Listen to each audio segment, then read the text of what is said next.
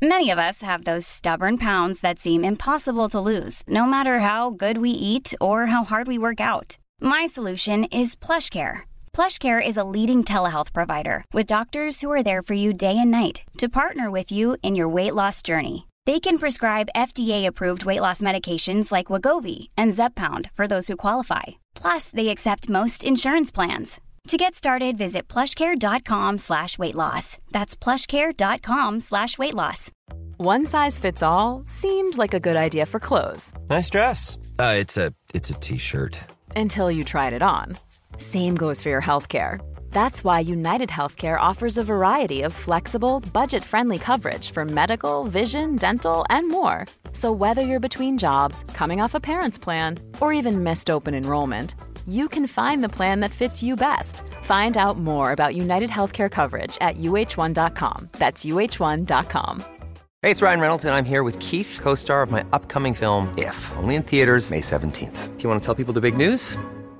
All right, I'll do it. Sign up now and you'll get unlimited for $15 a month in six months of Paramount Plus Essential Plan on us. Mintmobile.com slash switch. Upfront payment of $45 equivalent to $15 per month. Unlimited over 40 gigabytes per month. Face lower speeds. Videos at 480p. Active Mint customers by 531.24 get six months of Paramount Plus Essential Plan. Auto renews after six months. Offer ends May 31st, 2024. Separate Paramount Plus registration required. Terms and conditions apply if rated PG.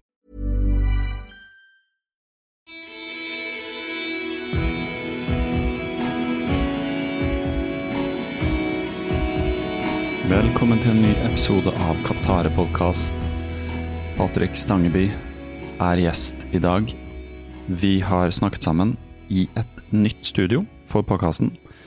En liten milepæl, rett og slett. Det gamle studioet er forlatt, og um, en stund så var podkasten helt uten studio. Jeg har eh, heldigvis eh, fått muligheten til å spille inn i et studio som ligger bare et kvartal unna der jeg bor. Det er et lite podkastbyrå som heter eh, Tid og Lyst, og eh, er eh, et veldig bra innreda studio. Så det er første gang podkasten har spilt inn i et rom som faktisk er laget for podkast. så lyden var god, rommet var bra, vi fikk til en ganske lang episode. Bare gi en liten advarsel.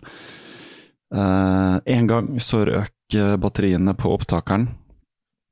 Det var jeg som hadde rotet og puttet to forskjellige batterier, oppladbare batterier sammen, så ja.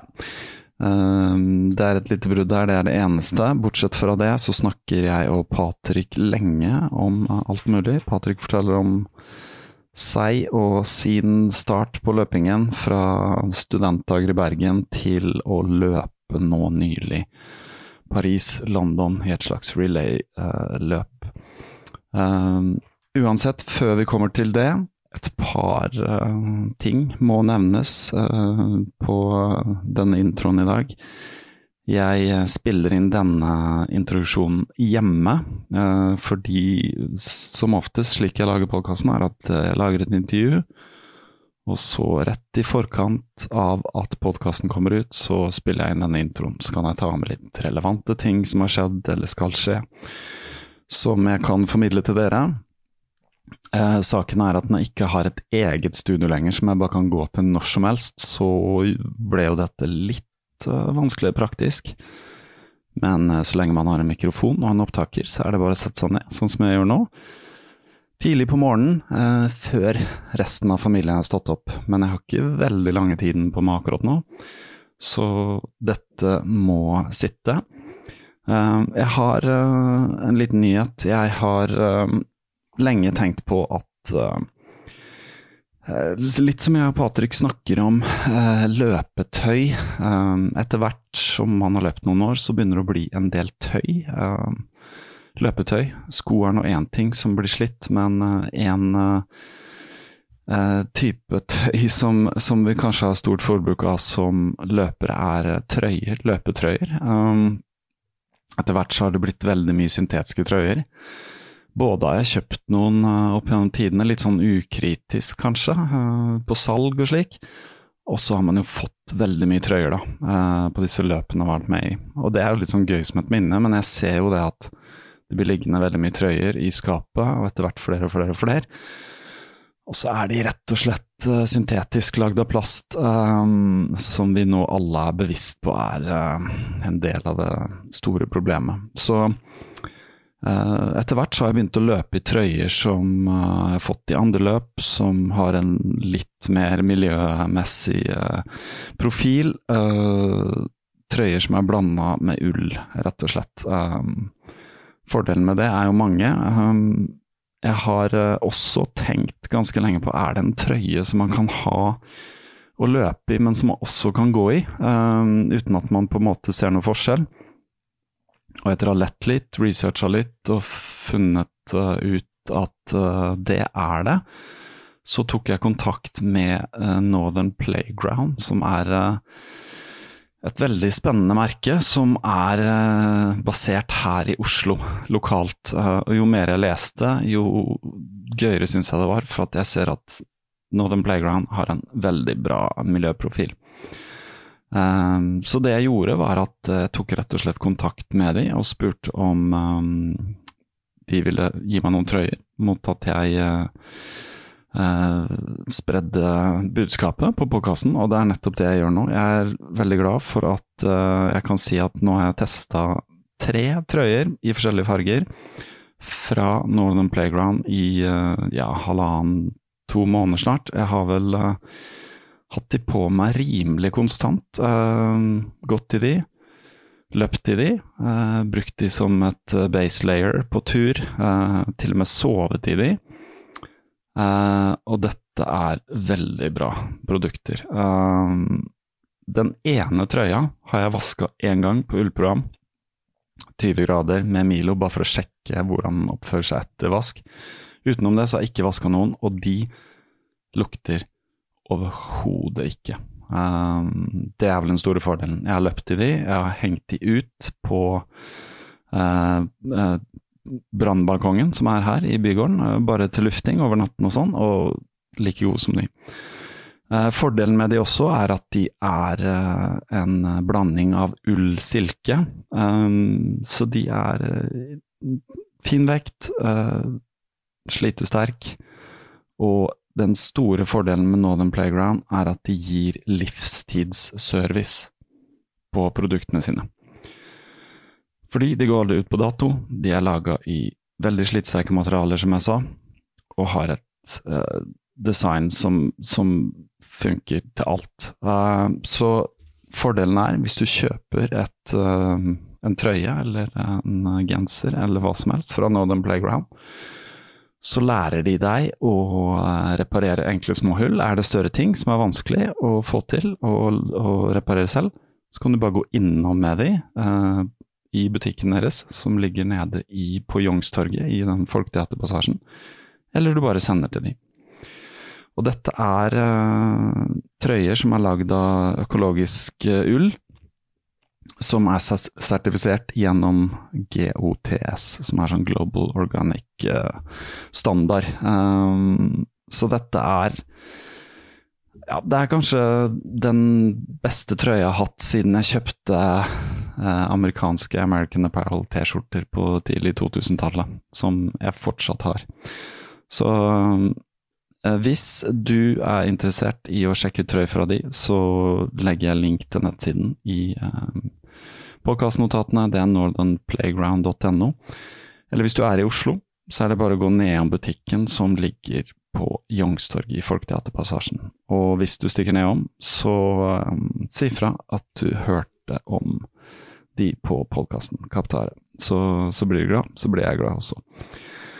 Um, ok, nå er det straks tid for uh, Patrick, og så har jeg et par ting jeg kommer til å annonsere i avslutningen etter uh, at vi har snakket sammen. Så bare hold, hold ut hele veien. Eh, her kommer eh, Patrick. da, da, sier jeg velkommen, Patrick Stangby. Ja, korrekt. Eh, jeg vokste opp faktisk i en gate som het Stangebyveien. Ja. Hvor da?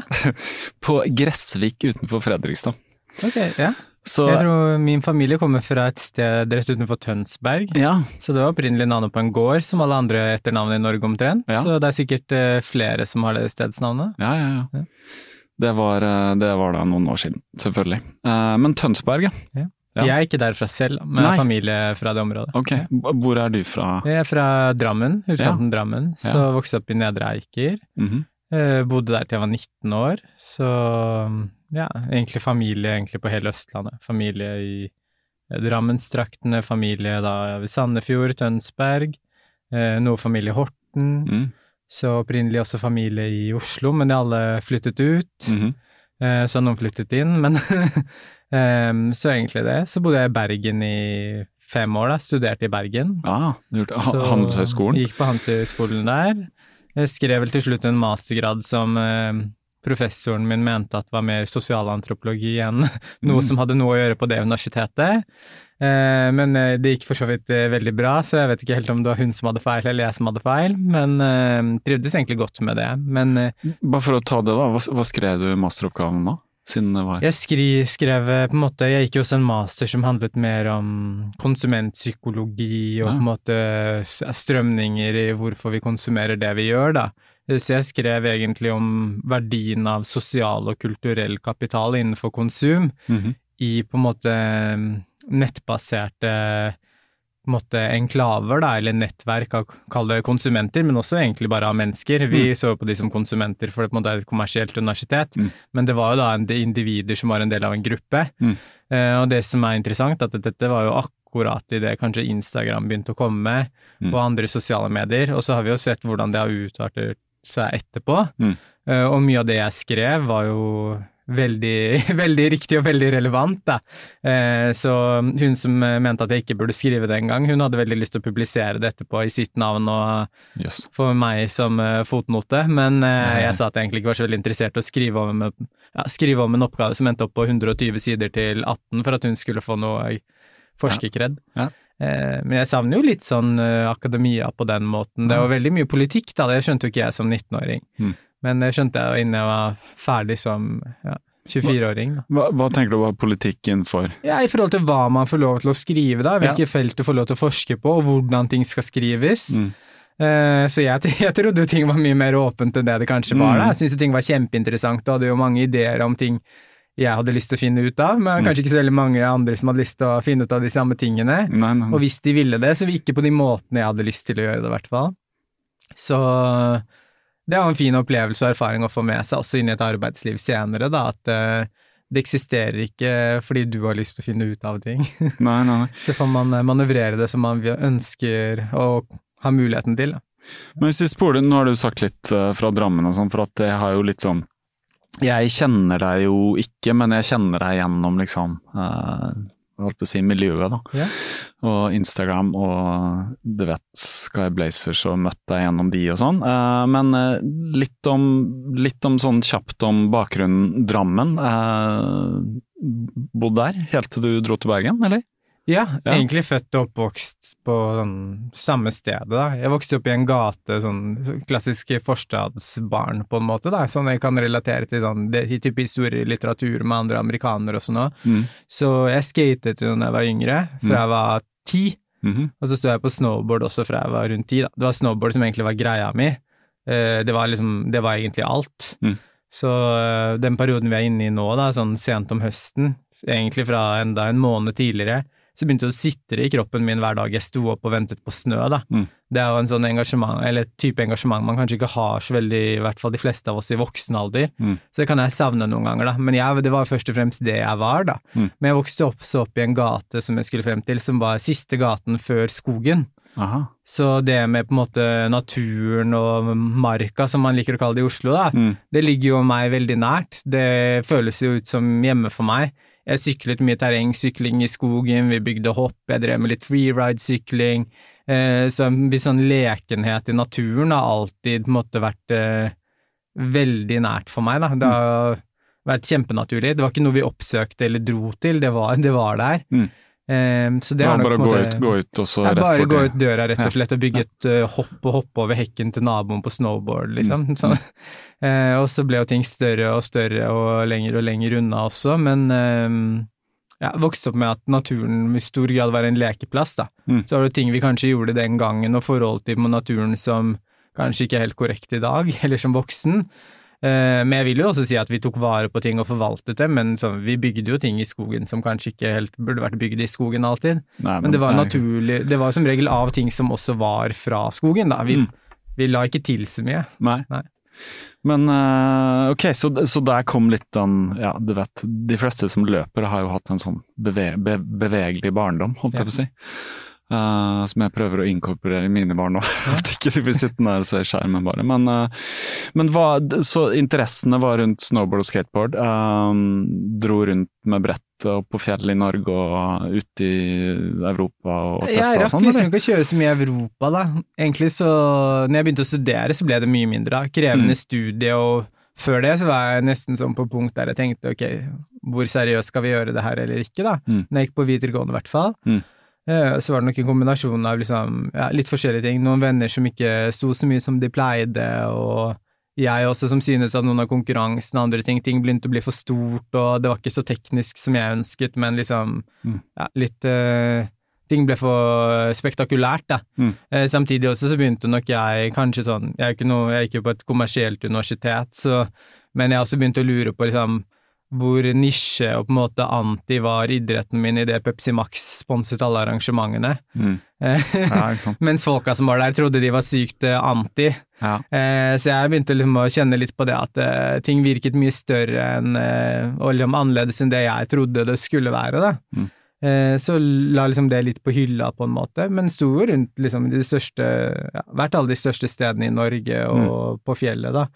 Um, så, men da når jeg sluttet, så sluttet jeg ganske brått, på en måte, og det har nok med hvor seriøst det var. Det var, det var jo lek, men det var også veldig stor del av identiteten, da. Mm. Så når jeg la det på hylla, så la jeg det ganske på hylla noen år.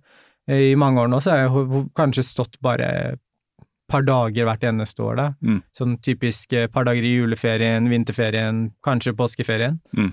Uh, og det har nok med at det var så tett på identiteten min at jeg helst ville bare flytte meg fra det. Ja.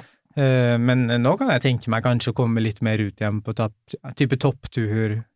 Eh, kommet meg ut litt lengre distanser på splitboard, eller gjort noe som også kanskje ligner litt mer på hvordan jeg beveger meg i fjellet på løpingen, da. Mm. Men jeg tror nok også at løpingen min på sti i stor grad er formet av eh, både det at vi kjørte jo mye på type skogsløyper og off-pist, men Mm. på en måte mer i skog da, når jeg var yngre. Så hvordan man leser linjer og hvordan man løper fort i Mm. skogen. Så det har du tatt, tatt med deg? Ja, fra syklingen òg. Jeg merker Ja, ja. at det kom veldig naturlig og fort Mm. for meg. da. Eh, bare, det har jo ikke bare med hurtighet å gjøre, men bare sånn veldig komfortabel med å bare lese en linje og bare gå for det. da.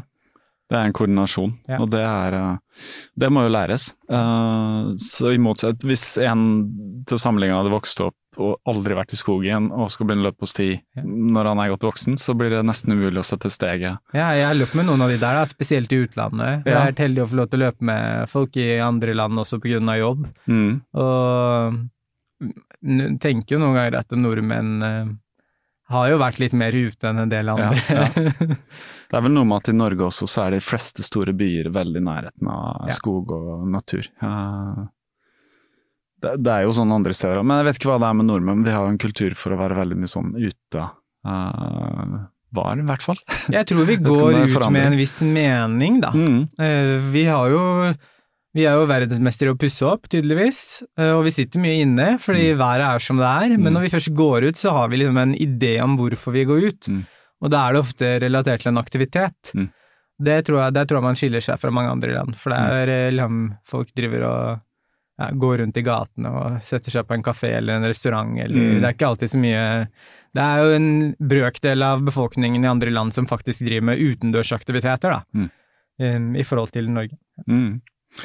Ok, så der, så der kommer vi å forklare litt med løpingen. Eh, når begynte du å løpe, da? Når var liksom løping Du sa du la eh, brettet på hylla, var det eh, rundt sånn Begynte å studere i Bergen? Ja, det var Ja. kanskje egentlig Kanskje jeg hadde bestemt meg for ikke å kjøre mer konkurranser og sånn jeg var sånn Ja. 17-18, Mm.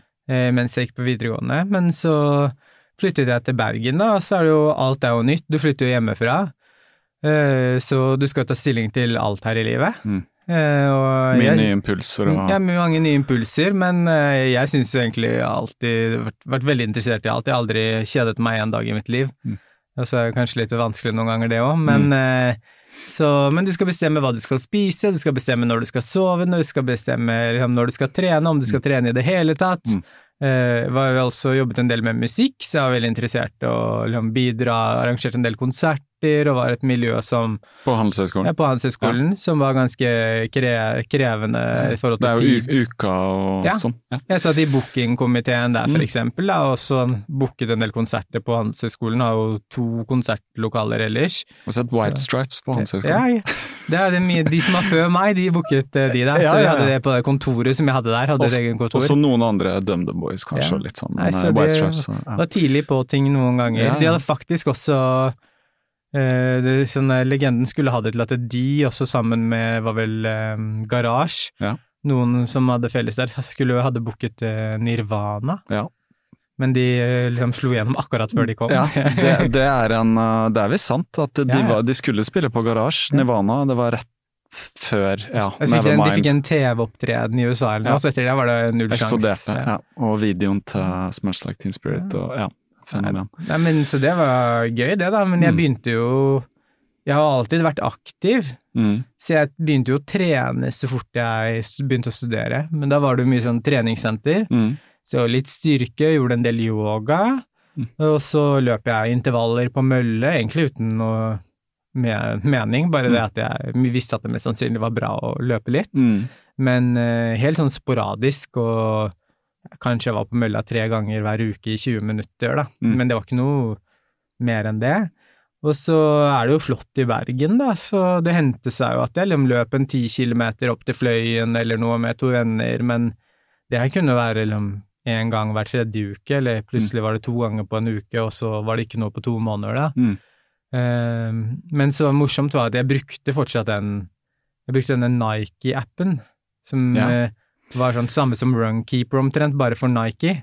Det var noe sånn Nike Pluss, Ja, og det var noe musikk involvert, og, og uh, Jeg holdt på å si Hva heter den? Nike Running tror jeg kanskje den het til slutt. Den kom vel i flere faser, da. Ja, Mm. hva heter han uh, Nå står det stille for meg. 4533. Um, sier han noe? Nei, jeg skal komme tilbake til det. En sånn amerikansk elektronikartist. Uh, står helt stille for meg. Uansett, ja. Nike Running. Ja. Det Så var da, uh, men da lastet jeg ned noen av de øktene mine, bare for å sjekke hva det egentlig hva jeg holdt på med den gangen. Da. Ok, ok. Og det gikk jo fort, men jeg hadde ikke noe idé om at det var fort. da. Nei, nei. Men jeg hadde jo veldig mye overskudd hver eneste gang jeg var ute. Mm. Og visste ikke hva som var rolig løping og hva som var rask løping, for jeg hadde ikke så mange referansepunkter.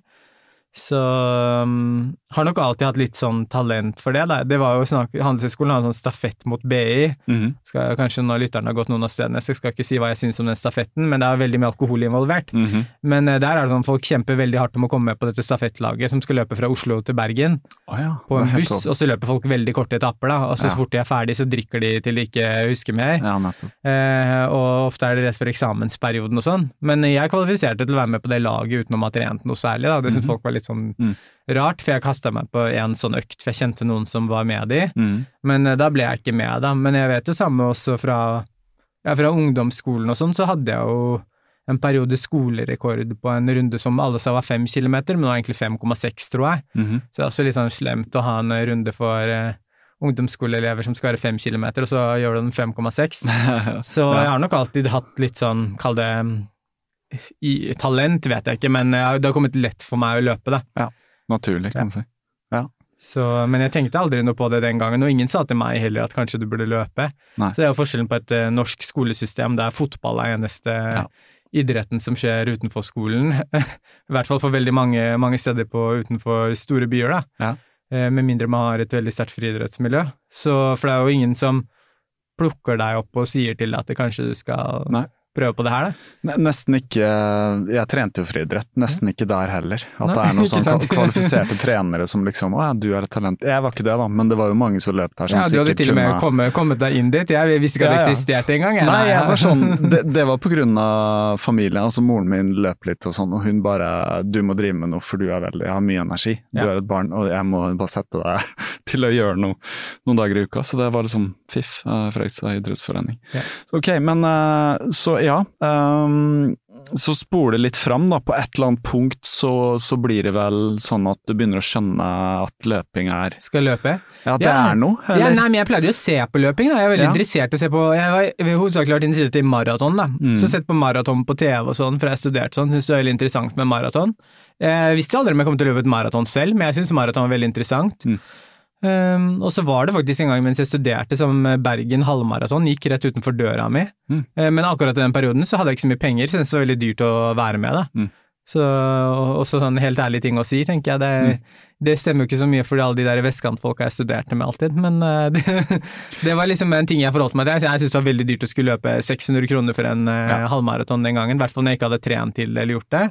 Men så flytta jeg til Oslo når jeg var 25, eh, og da Egentlig så da begynte jeg å løpe litt, jeg begynte å trene litt mer. Jeg begynte å jobbe, og jobb var ganske stressende, egentlig. Bare for få en referanse, når cirka var dette?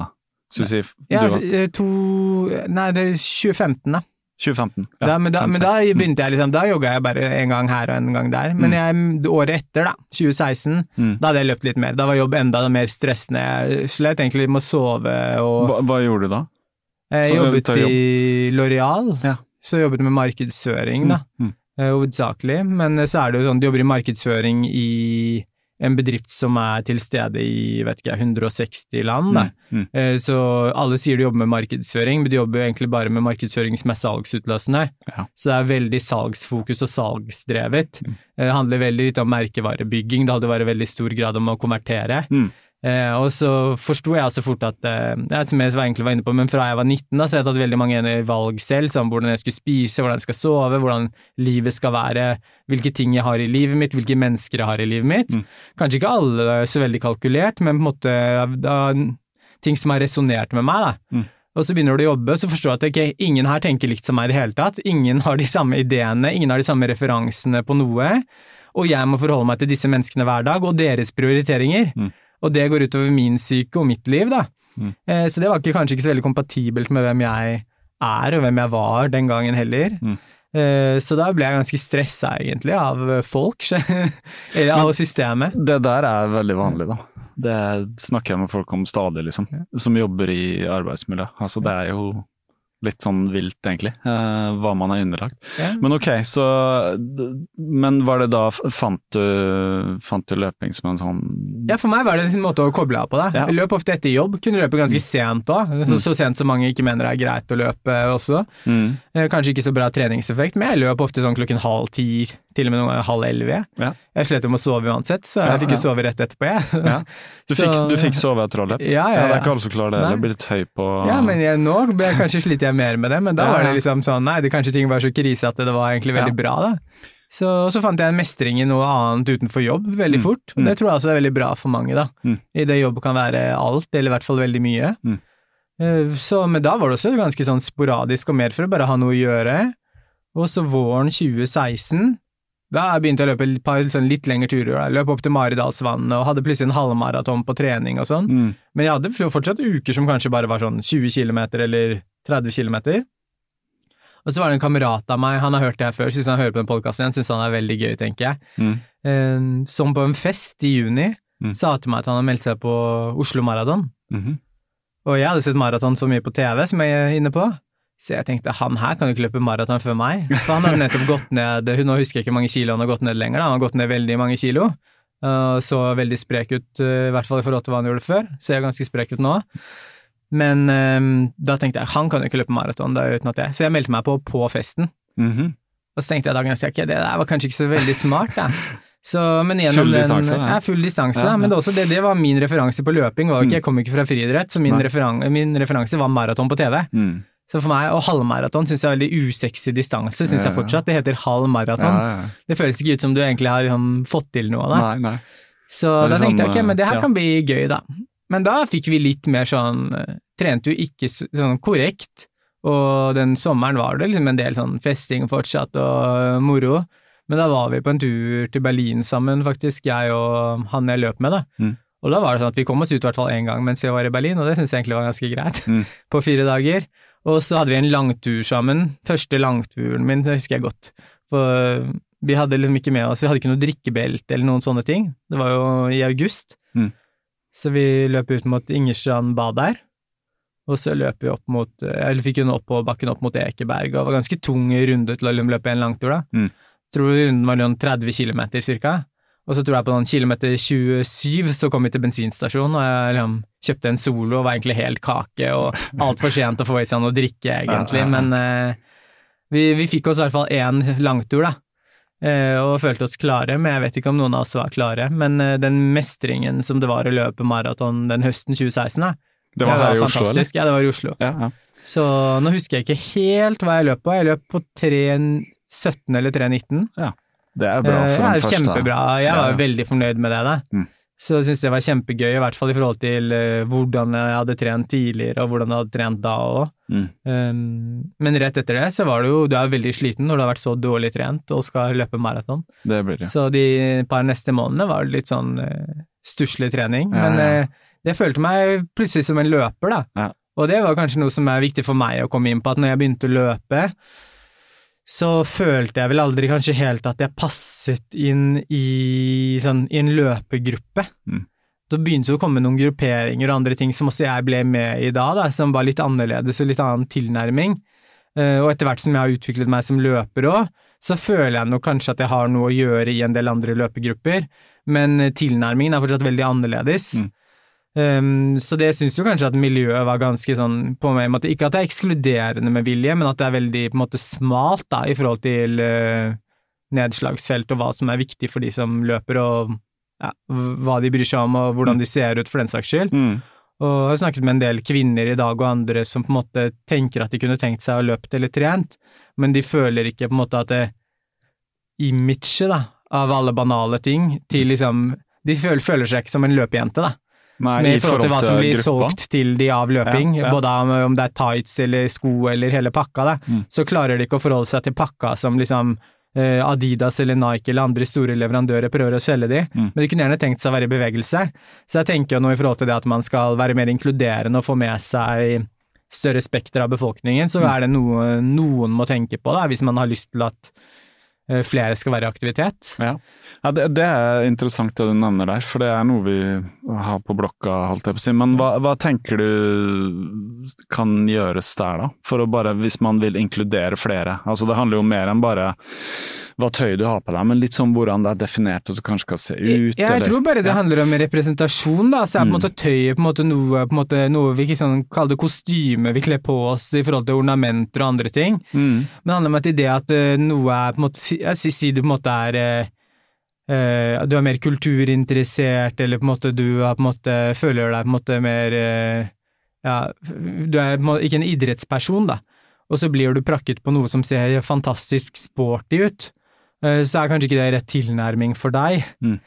Og så blir du også prakket på på en måte et kvinnesyn som er veldig normativt, da, og så føler du kanskje at du er mer progressiv selv. Mm. Eh, så tenker jeg det kan jo godt hende at hvis du er kjempefeminist i dag, og så ser du hvordan store løpemerker fortsatt velger å kommunisere mange av de, Ja, som er basert på veldig tradisjonelle kjønnsroller, eh, så kan det hende at du tenker det der er ikke noe for meg, fordi folka er jo helt ute og kjører eh, rent sånn verdimessig. Ja. Så jeg, Ja. den aktiviteten de driver med er også mest sannsynlig sikkert helt ute å kjøre, da. Så det tenker jeg er noe de kan tenke over, og jeg har jo vært med på noen ting med noen merker og sånn flere ganger, og sånn det morsomste jeg synes som jeg ser, da tenker jeg lite progressivt, men det er jo sånn fra merker i Sør-Europa. Ok, det var uh, en liten blunder av blande to forskjellige uh, batterier. To forskjellige ampere. Uh, heldigvis, uh, Patrick tok det med knusende ro. Å holde, klarte å holde tanken. Hvor var vi, Patrick, når det brøt? Nei, jeg tror jeg var inne på det med sånn representasjon, da, hvordan Ja. folk kjenner seg igjen. Og som jeg sier, etter hvert som man blir en løper, da, så syns kanskje de fleste menn som løper, de starter med sånn knelang shorts, liksom, fordi det er en ting man er vant til. Mm. Og så hva samfunnet forventer av deg. Mm. Og så løper folk med kort shorts, det er, da er du en løper, da. Og du Mm. kan, trenger ikke løpe med kort shorts for en løper, men mange løpere løper med kort shorts. Og så har jeg vært på noen sånne turer så eller ting. sp- split shorts? Split shorts. Jeg Ja. må ikke være, ha split heller, men sånn, Nei. ok, men kort shorts, da. Ja. I hvert fall eh, lår, eh, lårkort. Mm. Og så etter hvert så kanskje sånn som meg, da, som har vært på noen ting som har vært organisert av merker og sånn, der, der, der det både har vært menn og kvinner, da. Eh, Så er det fortsatt folk som jobber på disse merkevarene som ikke er løpere. Det er jo helt fint og ok, det også. Eh, Men de er livredd for kortshorts, tydeligvis. De selger det selv mange ganger, men de, hvis skal, de skal kle opp folk, da, så kler de opp menn i knelang shorts og kvinner i hotpants. Og da tenker jeg sånn, den forståelsen av på en måte både rett og slett også seksualitet, da, som egentlig det er på en måte også til en viss grad dessverre spiller på, mm. er, og representasjonen av det, er ganske gammeldags og normativ. Så hvis du på en måte, jeg Hvis jeg tenker hovedsakelig på kvinner og andre da, som føler seg mer progressive, ikke kjenner deg igjen i den representasjonen, så er det jo litt vanskelig å tilnærme seg denne idretten òg. Mm. Uh, nå er det en lang avsporing i forhold til at jeg ikke kjente meg igjen i løpegrupper når jeg begynte å løpe, da. Ja, ja, men jeg har forståelse for at andre ikke kjenner seg igjen nå. Ja. Og det går litt inn på kanskje sånn merkevarer og folk jeg har valgt å kalle det jobbe med eller gjøre ting med som jeg kjenner i ettertid, da. Mm. Uh, som sånn franske løpemerker som selger ting som er altfor dyrt og kanskje altfor uh, rocka, Mm. i gåsetegn for mitt vedkommende, men som egentlig det jeg er flott at noen av de gjør, er at de åpner spekteret for hva et løpemerke kan være, eller hva løping kan være. Og så snakker de noen ganger om ting som ikke nødvendigvis jeg ville valgt å snakke om, eh, men det åpner opp for at det også kan da komme andre representasjoner eh, innenfor løping, da. Fordi Mm. noen velger å gjøre noe litt annerledes. Bare for å ta tak i den der, for det er litt morsomt det du sier med kort shorts og sånn, fordi jeg kjenner meg igjen med en gang. Selvfølgelig, den første løpeshortsen min er knelang, ikke sant. Ja, og så har jeg kjøpt shorts etter hvert, og da har jeg ikke liksom gått for det. Men kortere og kortere, og så har jeg kjøpt noen som har vært veldig korte split-shortser, og da er det sånn, den har jeg løpt med, men da føler jeg meg veldig hva skal jeg si, eksponert, liksom mine tynne bein og ikke sant. Det blir veldig sånn der jeg føler at da eh, syns jeg på en annen måte, da. Og kanskje mer sånn jeg vet ikke, at man eh, som kvinne da eh, også føler seg lettere kledd, eller jeg, vet- jeg vet ikke hva det er, men merkelig nok så vil bare den derre ti centimeter ha en liksom definisjonsmakt da, på hva, hva, hva er det som gjør at man kryper oppover eh, på, på, på lengden etter hvert som man blir en mer eh, For det er helt tydelig å se på, liksom det, Deres løper mye sti, og veldig mange som du ser er som raske, og du vet er det kun praktiske årsaker? Det er jo mye mer behagelig å løpe i en shorts som er kort, for du slipper liksom stoffet som Ikke sant? Høye, du løper jo med høyere steg når du løper raskere, og særlig skog og sånn. Er det praktisk, er det det, eller er det også en viss sånn mote eller eh, kode eller Jeg, vet, jeg tror i all hovedsak så er det jo praktisk, Mm. fordi det er jo en ting som henger igjen fra ganske langt tilbake. Og så er det en ting som henger igjen på tross av at eh, storsamfunnet ikke digger det. Mm. Eh, Men det er også da på en måte blir det en eh, identitetsmarkør og noe anti, som gjør at så også, som du sier, første gang du kjøper en løpeshorts og ikke er en løper, så kjøper du en knelang, og så kryper shortsen oppover i takt med at eh, løpingen din blir mer seriøs. Så da blir det også en sånn en validering, den korteste shortsen er en validering om at jeg er en løper. Mm. Folk på gata digger ikke meg i denne shortsen her, men andre løpere de nikker anerkjennende fordi de forstår at dette er seriøst. Mm. Så er det litt humor i det, på en måte, ikke sant. Men det. er på en måte Og jeg sier ikke at alle må løpe i den korteste shortsen, men eh, da, da er det på en måte da har du, For din egen del da har du kanskje forstått at ok, jeg er en løper, samme hva resten av samfunnet måtte mene om det. da. Mm. I forhold til hvor mange timer man trener, så får du kanskje ikke igjen så mye sånn rent estetisk heller. Du, jeg begynner å få tidenes bein, men jeg har, eier ikke overkropp. Det er liksom det motsatte av eh, Ja, Johnny Bravo, eller hva som barne-TV skal ha det til at det er eh, ja visst. eh, idealkroppen for menn. Da. Ja. Er du helt konsekvent på, på de shortsene da, når du, når du tar på Nei, deg shorts? nei, så- nei. Det er litt sånn forskjellig alt ettersom, eller? Nei, alt er vel på kortere enden av skalaen. Ja, men det er jo ikke bra kortest mulig shorts heller. Nei. Eh, For meg er det viktigste at det er noe som er komfortabelt og er lett. Da. Mm, mm. Eh, Men jeg har jo blitt eh, prakka på, eller fått folk som skulle prøve å få meg til å løpe i knelang shorts, og det kommer jeg aldri til å gjøre igjen, tror jeg. nei. Så Men, men hva er det som er, bare for å være litt nerd på det, hva, hva er det som gjør, hva er det som er en behagelig shorts? Man- kommer man- ja, Man registrerer at det, det jeg, nå er jeg kanskje veldig teit når jeg sier det her, men når de shortsene har de, altså jeg trenger, jeg er sånn, noen ganger er jeg small, noen ganger er jeg medium, så jeg treffer aldri helt da. Jeg ofte kjøper jeg shorts på nett og kanskje sånn, ikke sant? Og så er det den der, ikke sant, det er jo en sånn innershorts. Um, noen ganger er den for ubehagelig, og da er jeg sånn, skal jeg ta på meg en god liksom bokser under det her? Og noen ganger så er den bokseren veldig god å ha på seg, en sånn slags treningsbokser, så er den litt lengre enn shortsen. Er det rart? Eller er det Det er sånn? veldig rart, men det skal vel i all hovedsak være praktisk, da. Jeg tenker jo at det er Men det er litt med stor- følelsen nå, tenker jeg. Det er praktisk, men det liksom føles, noen ganger så føles det godt å ha noe som sitter litt stramt på låret. Uh, det er kanskje litt sånn rart å si, men, Ja, men for eh, meg er det litt sånn ikke, Og at den derre innershortsen, slags truse, da, er for stram. ikke sant, Ta en small shorts, er den for stram. Noen ganger i, i medium så er den Ja, det er veldig mye forskjellig der òg. Jeg prøver å lære litt uh, rundt dette, det er derfor jeg spør litt sånn dumme, Jeg tror ofte ofte at de aller fleste merker kunne ha droppa den innershortsen, Ja, for den er en dårlig ettertanke. Og så handler det også om kostnadsperspektiv, da. Mm. At veldig mange så må de lage en shorts som skal koste x antall kroner, for det er det alle shortser skal koste. Mm. Og så prøver du å lage yttershortsen så fin som mulig i forhold til den prisen, Mm. og så slenger du på en eller annen billig innershorts for å spare penger, da. Eh, men jeg tenker det er sånn Løper jo hovedsak når du løper lange løp, så løper jeg med på en måte undertøy under Mm. shorts, fordi det er for variabelt uh, hva slags innershorts du har på ting. Ja, ja.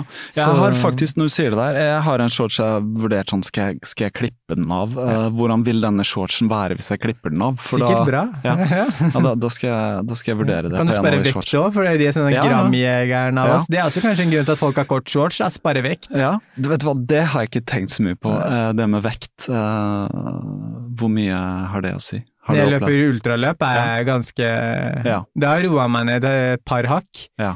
men øhm, prøver var- å Du kjøpte shorts på Hva, hva veier en, en god, lett ultrashorts som du løper? nå, nå ble jeg tatt på det, for nå husker jeg ikke det lenger. Men Nei. jeg er jo ganske sikker på at en shorts veier kanskje sånn ikke, rett under 100 gram. Ja, Det er ikke mer. 80 gram, tror jeg Ja. kanskje en del Ja, det, har jo litt med det er absolutt noe med følelsen å gjøre, akkurat som med sko òg, da. Vekten av sko og ja, til og med overtrøya. Ja, men jeg har vært sånn på. T-skjorter og kjøpt Jeg har Ja. kjøpt eh, jakker, men det handler om at når du skal løpe langt i fjellet, da, Mm, og så har du lyst til å prøve å løpe fort, mm, eh, og så må du ha med deg viss type utstyr i forhold til utstyrsliste. mm, Da er det sånn, du må ha med en vanntett bukse, ok, hva er den letteste vanntette buksa som er mulig å få tak i? Mm. Og du må ha en regntett jakke, ok, men uh, hva slags jakke med teipede sømmer er den letteste jeg kan få tak i, mm. uh, som fortsatt fungerer? Mm. Uh, Er dette i forhold til krav til løp? Det er kravspekk da, til en del av de aller fleste ultraløp, og det har vi jo sett dessverre nå det året her, at det har vært en del ulykker i et par store ultraløp på grunn av vær. Mm. Um, og det spesielt det løpet som var i Kina, var jo organisert av lokale myndigheter for også å drive turistvirksomhet. Og de som organiserte løpet, de hadde jo ingen krav til eh, utstyr i forhold til bare et sånn der nødteppe. Mm. Eh, og det hjelper jo ikke bare med nødteppe, for når du har vind, så er ikke det bra nok. Og folk hadde ikke med seg genser, folk hadde ikke med seg jakke, folk hadde ikke med seg lue, folk hadde ikke med seg hansker. Mm. Og jeg går jo ikke opp en topp, jeg, på treningstur i Romsdalen for eksempel i juli med 30 varmegrader uten disse tingene. Nei, fordi, Eh, nei. Fordi været plutselig kan endre seg, eller kan. noen kan. bli skada, eller noe Og bli skjer. liggende. Ja. Ja. Ja. Så jeg går ikke opp på trening engang uten disse tingene, så jeg syns det er helt sinnssykt. Og samtidig så prøver jeg å ha den vesten så lett som mulig. Eh, Så derfor er det liksom, vekt et sånt element som man kanskje er viktig idet man skal løpe langt. Da. Summa summarum, ja. Bare ta det der løpet du refererer til, for det er ikke sikkert alle har hørt, men kanskje mange. Men det, det er liksom den største løpetragedien, sånn i hvert fall i moderne tid, som jeg vet om. Det var så, kanskje en uten at jeg er sikker på det, sek- 60 mennesker eller noe sånt som kom. Altså det var liksom et tall Ja, som var sånn Ja, nå husker jeg ikke hvor mange, jeg tror det var rundt det, det er jo dumt, men nå begynner det å bli noen måneder siden. Men Ja, det er det var i hvert fall så mange som ble evakuert eller som ble skadet, var rundt sånn eh, rundt det tallet. Og så kanskje var det en under halvparten av de som omkom, men det var Ja. et stort tall. Det var Ja, liksom og de aller dusin. fleste av de som overlevde, Ja. eh, var fordi de klarte å komme seg inn på en sånn type DNT-aktig hytte. Mm, Og der var de stuet sammen, eh, så mange de klarte å få inn der, da. ja. Og det er jo litt i forhold til det at man, man har respekt for fjellet, da. Løping er jo mange ting, det er jo ikke nødvendigvis bare fjelløping. Eh, Men skal man løpe i fjellet, så må man ha respekt for at uh, vær og vind kan endre seg, da. Mm. Og at uh, man kan være, bli veldig sliten også, så man må alltid forholde seg til de ja, elementene man ja, ja. velger å ta del i, fordi et fjell bryr seg ikke så veldig mye om eh, du har tenkt å vinne ultra eller eh, løpe Nei. på åtte timer eller hva som er ideen din. Da. Nei. Har, du- har du opplevd noen, det kommer vi kanskje videre inn på, men har du opplevd noen utførende turer? Ja, jeg Nei. løp et løp i Lofoten i 2019 Ja, det husker jeg eh, som var eh, på det verste Det var, skulle være 100 miles. Eh, de endret løypa midt på natta der, da, eller tidlig dag to.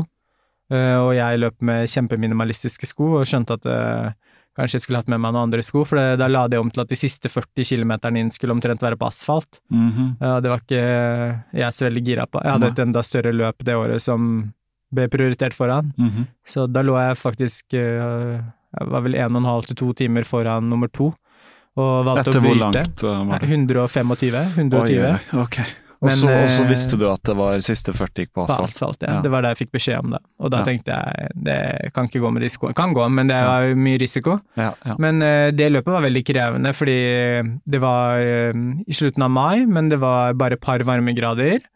Og så regnet det store deler av løpet, veldig mye. Uh, og på det verste så var det nok vind mellom 15 og 20 sekundmeter i Da blir det kaldt. Så Ja. da blir det kaldt, da. Mm. Og på natten og sånn også ble det veldig kaldt når du kom opp eh, Det var ikke så de største toppene, men noen småtopper.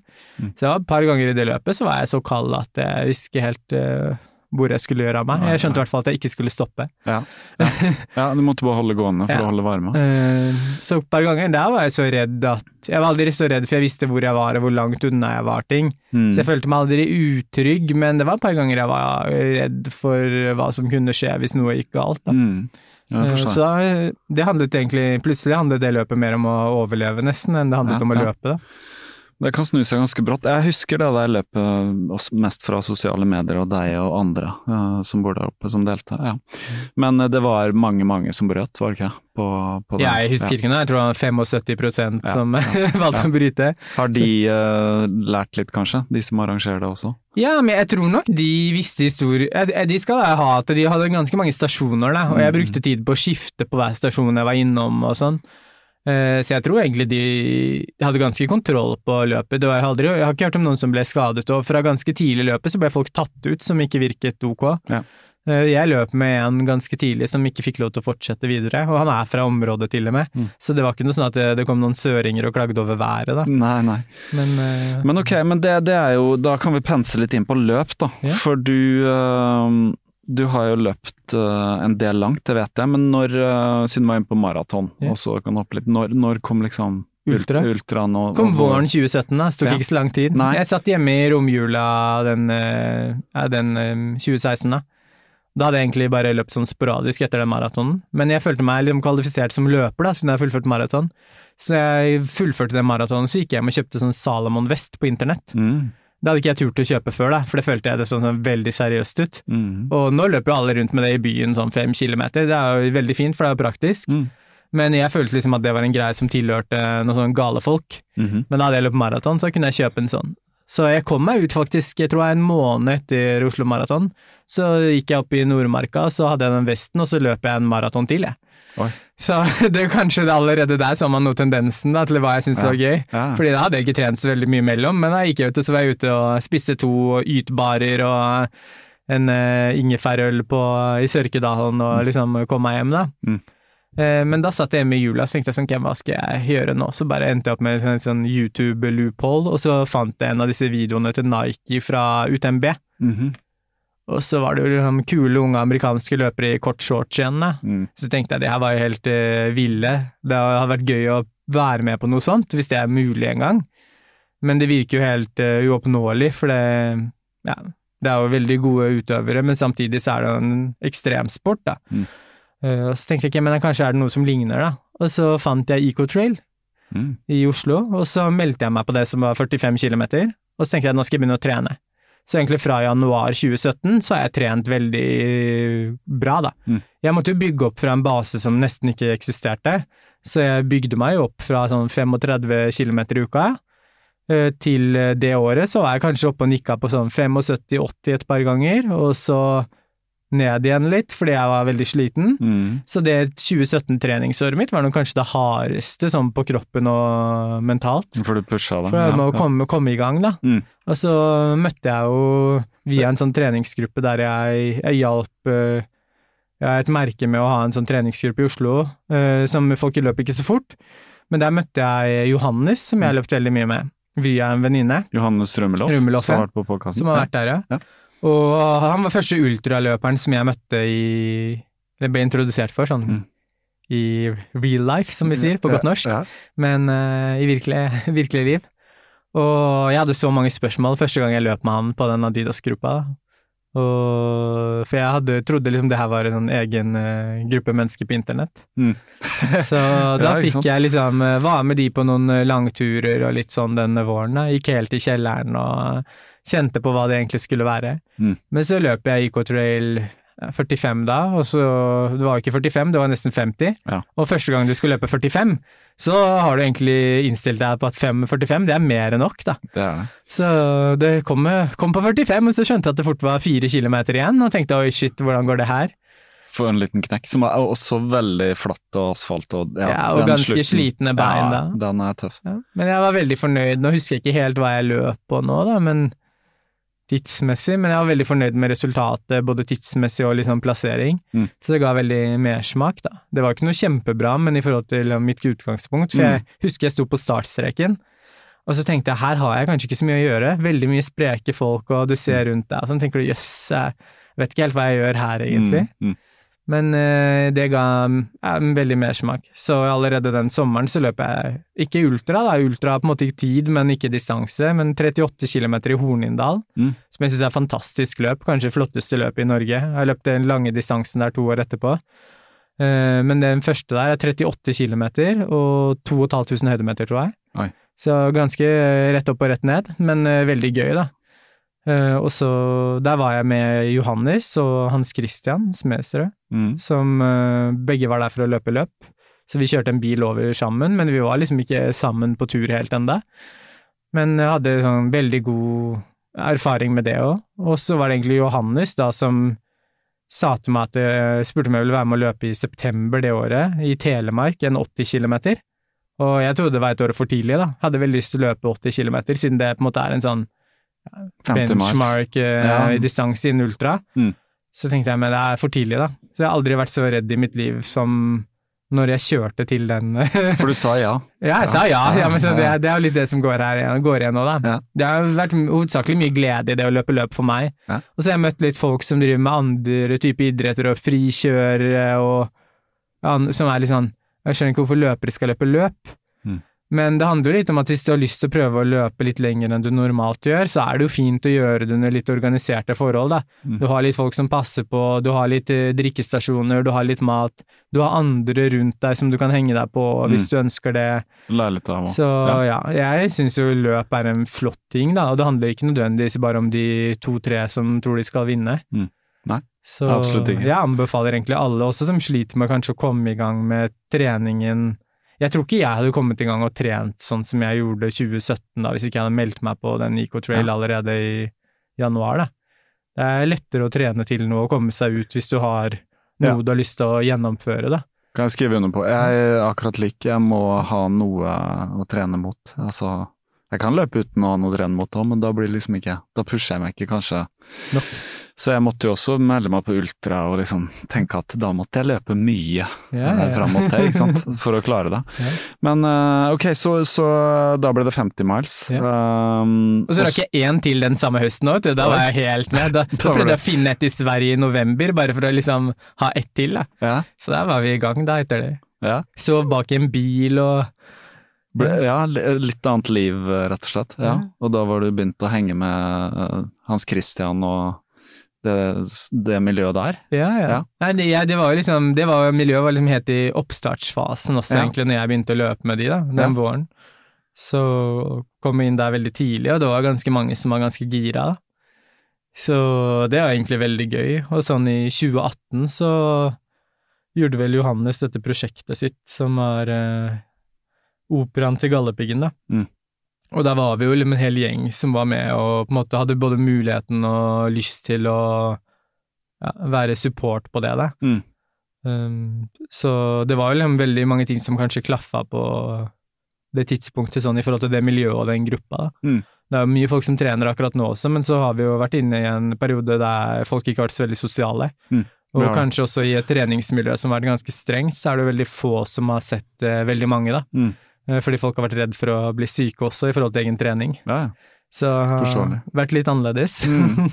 Lenge. eh, ja. Nå er det hva, hva vil du si, er det normalisert seg litt med sånn fellesløpinger og Nå trening? tror jeg det begynner å, folk begynner å være ganske tilbake til normalen, da. Ja. Eh, Det var nok litt vanskelig i fjor på et par tidspunkt, for det var et par ganger vi egentlig skulle åpne opp, Ja. eller i hvert fall fikk beskjed av staten om å åpne opp, Mm. som vi valgte å holde igjen. Mm. Og så åpnet vi akkurat opp i en uke før det begynte å skulle stenge igjen, ikke Ja, sant. ja, så man fikk liksom ikke noe moment i det hele tatt. Mm, mm, Eh, Men det forstår jeg jo, og folk var på en måte usikre og redde også. Ja, veldig mye sikkerhet eh, i fjor på den tiden der, det var det. det var som ingen visste helt hvor vi gikk inn i Jeg var heldig og ikke fikk løpe to løp i fjor, da. Hvilke var det? Eh, Jeg løp ikke hele av det ene der heller, men jeg gjøre Soria Moria. Ja, stemmer. Eh, Soria Moria, veldig det var flott den første halvdel. Det var en Ja. veldig varm dag, og frem til i våres så har jeg slitt veldig mye med varme. Det har jeg funnet litt ut av nå, da. Mhm.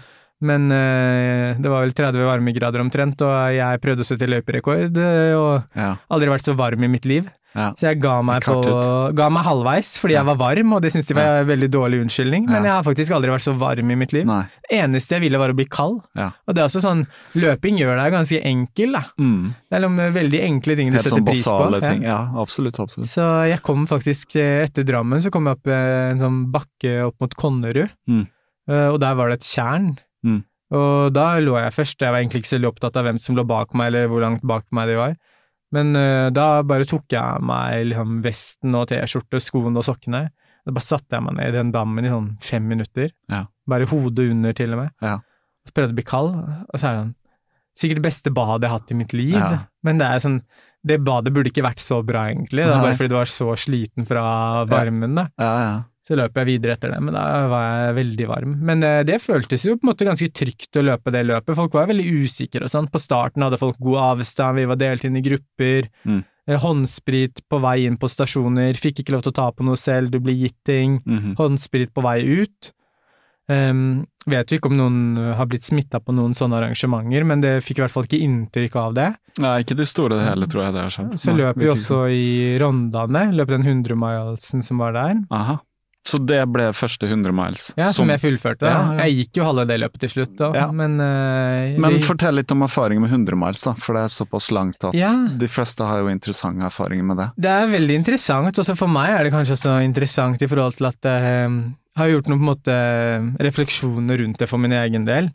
Skal jeg nok prøve litt igjen nå til neste år, men jeg har slitt veldig mye varme, da, og det er egentlig første refleksjonen. Fant jeg ut nå i våres, jeg tok en sånn svetteanalyse, at jeg svetter ca. 1430 milligram eh, sodium per liter, Oi. eh, og det som er vanlig er mellom 400 og 500.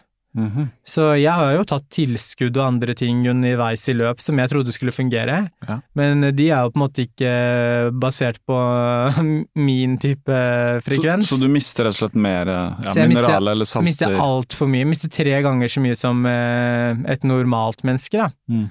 Um, så det har jo ofte gjort at jeg etter kanskje sånn seks-syv timer og sånn er ganske ferdig, Mm. men før det har jeg følt meg veldig bra. For det er nesten ikke point, hvis du drikker vann igjen da, så kommer du ikke inn i cellene, for det mangler eh, Ja. saltene, ikke sant? Så du klarer ikke å kjøle deg ned sånn sett. Nei, jeg klarer, Nei. jeg klarer ingenting, da. Så Nei. sliter du med salter, så også sånn forhold til Krampe, kramper er vanskelig ja. å si hva kommer fra, egentlig. Det vet ingen. Ja, det er en eh, sammensetning. Sammensetningen Ja. har i hvert fall noe med salt å gjøre òg. Det er det. Så nå i år så har jeg ikke hatt noe problem med det, da. Mm. Eh, Men hva gjør, du, hva gjør du da for å kompensere? Nå tar jeg en sånn energidrikk, da, for at eh, Jeg hadde ikke trengt å ta fra det selskapet, men det et britisk selskap som mange um, triatlonfolk bruker. Mm. Eh, for der er det også flere som har kjent hatt problemer med det samme. Mye svette mye. Så de har liksom tre forskjellige versjoner, og jeg tar den sterkeste. Mm. Eh, smaker ikke noe sterkt, så da tar jeg ofte en av den i timen. da. Så Eh, Den har mer mineraler, salt ja, solen så den har mye, da. Den har, ja. den har nok for at Ja. det skal være ok for meg, i til hvis jeg ikke svetter veldig mye, da burde jeg kanskje ha to i timen, da. Ja. Eh, så Men det er, så hvor, tok, hvor kunne du ta en sånn prøve Nei, jeg tok den jo hos en som uh, hadde så klart tenkt å selge noen produkter, men han Mm. også var helt åpen på at jeg trengte ikke å kjøpe deres produkter. Nei. Um, så det tror jeg man kan liksom sjekke. Det er kanskje, kan det godt hende Nimi eller noen andre også gjør lignende type ting, da.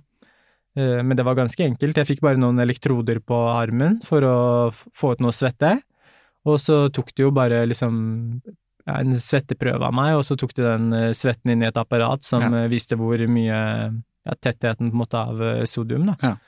per liter. Mm. Så det var jo fint å finne ut av de tingene når man bruker så mye tid. Det er veldig nerdete, men samtidig når du bruker så mye tid på trening og på kosthold og liksom på alle andre ting, og så er det ting som det der som ikke funker, da. Mm. Så er det også litt frustrerende. Men eh, ellers sånn med 100 miles, så tenker jeg at eh, det er vanskelig for meg. Nå har jeg ikke gjort en 100 miles riktig enda, da, men eh, til og med sånn Du løper Jeg løper i en fart som føles helt naturlig for meg å løpe i, og så er det mest sannsynlig altfor fort fortsatt. Da. Mm. Så det er jo det å finne ut av eh, hva er liksom korrekt fart. Ja. Eh, Å holde så lenge. holde det kan man jo ikke vite, Nei. nesten. Og det kommer nok til å gå saktere for alle uansett. Mm. Nå ser vi sånn som Courtney DeWalter i UTMB i år, hun Mm. løper jo veldig jevnt. Mm. Det er fantastisk å se på hvor jevnt hun klarer å løpe, da. Jeg så hun komme i mål, eller jeg så de siste to kilometerne, vi prøvde å følge henne. Mm. Og så så vi også, jeg, jeg har jo løpt CCC nå ja, to ganger, og jeg kjenner jo liksom igjen deler av løypa.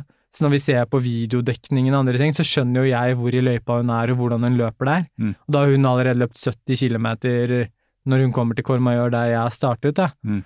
Eh, Så da får du også et inntrykk av på en måte farta og hvordan hun løper. Men hun løper så jevnt, da, og det er det som er interessant å se. Og det, jeg tror ikke nødvendigvis det kanskje er det noe alle skal strebe etter, men å prøve å forstå hva slags fart som er korrekt når man skal Mm. løpe så langt. Og på ikke bare sånn med ren fart, men i effort. Altså, ja, ja, men det er jo det det går på. ja, ja. Jeg, jeg tenker aldri når jeg skal løpe ultra at jeg skal løpe folk spør meg sånn her asfaltløpere og andre Mm. som ikke løper, spør jeg hva slags snittfart har du da? Så bare det vet jeg ingenting om. Ja, det kan man nesten ikke snakke om. Ja. Nei, det er en kunst det der å løpe på en måte på Følelse. Ja, på følelse. Effort er det samme, er det det man oversetter med? Det er vel Ja. det, ja. Det er en kunst. Da må man legge litt fra seg og se på klokka og pulsmåleren og sånn, og så bare kjenne litt på ting. Mm. Eh, Særlig når det er så langt òg at ikke man kan liksom booste opp denne bakken fordi det koster for mye det store det hele, da. Men eh, siden du nevnte eh, CCC, da. Nå har jeg skrevet sånn eh, litt forskjellig her, men uh, du var der nylig, og du har vært der før, i fjor? var det i 2019. I 2019. Første gang jeg dro, jeg dro ned i 2018 for Ja. å hjelpe til å være support. Ja.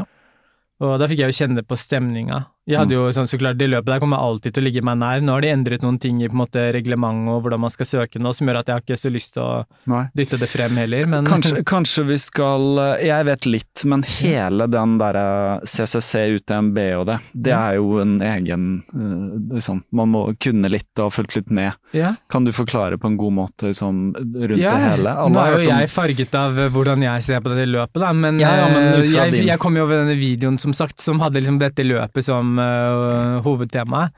Men det heter jo Ultra Trail Mont Blanc, eh, og ble jo egentlig først laget med en distanse på 170 km, som skulle ta denne Tour de Mont Blanc, som går rundt hele fjellmassivet, gjennom tre land. Så det går fra Frankrike til Italia, til Courmayeur, Eh, så går det til Sveits, og så er det innom Champillac, som er største på en måte matstasjonen og stasjonen der, og så går det tilbake til Chamonix, da. Um, og dette er jo en eh, kjent sånn vandrerute, som da folk prøvde etter hvert å gå fort, og så var det noen som hadde idé om kanskje vi klarer å gjøre det på en helg, Mm. og sånn startet løpet. Og nå gjør jo ikke folk det på en helg lenger, nå gjør folk det på under 24 timer, Mm. eller pluss-minus. Ja, 22, Så, 1 time, 22, ja. um, det, den på en måte barrieren er ganske flytta, da. Mm. Og så kom det jo til andre distanser etter hvert, som CCC, som er 101, eh, som starter da i Courmayeur, følger resten av løypa til Chamonix. Og så var det et løp som het TDS også, som går utenfor en litt annen runde, litt sånn i ja, Savoie-type dalen. Så eh, ja, litt mer på en måte røft teknisk, eh, men ikke uoverkommelig for en del som løper i Norge. Og så har de hatt OCC, som er 56 km, som er en litt kortere versjon, som da starter i Sveits, og som går tilbake til Chamonix. Og så har de lagt til en maraton for de lokale ettertid, og så er det et eller annet barneløp nå i tillegg, så det er på en måte en løpefestival. Mm.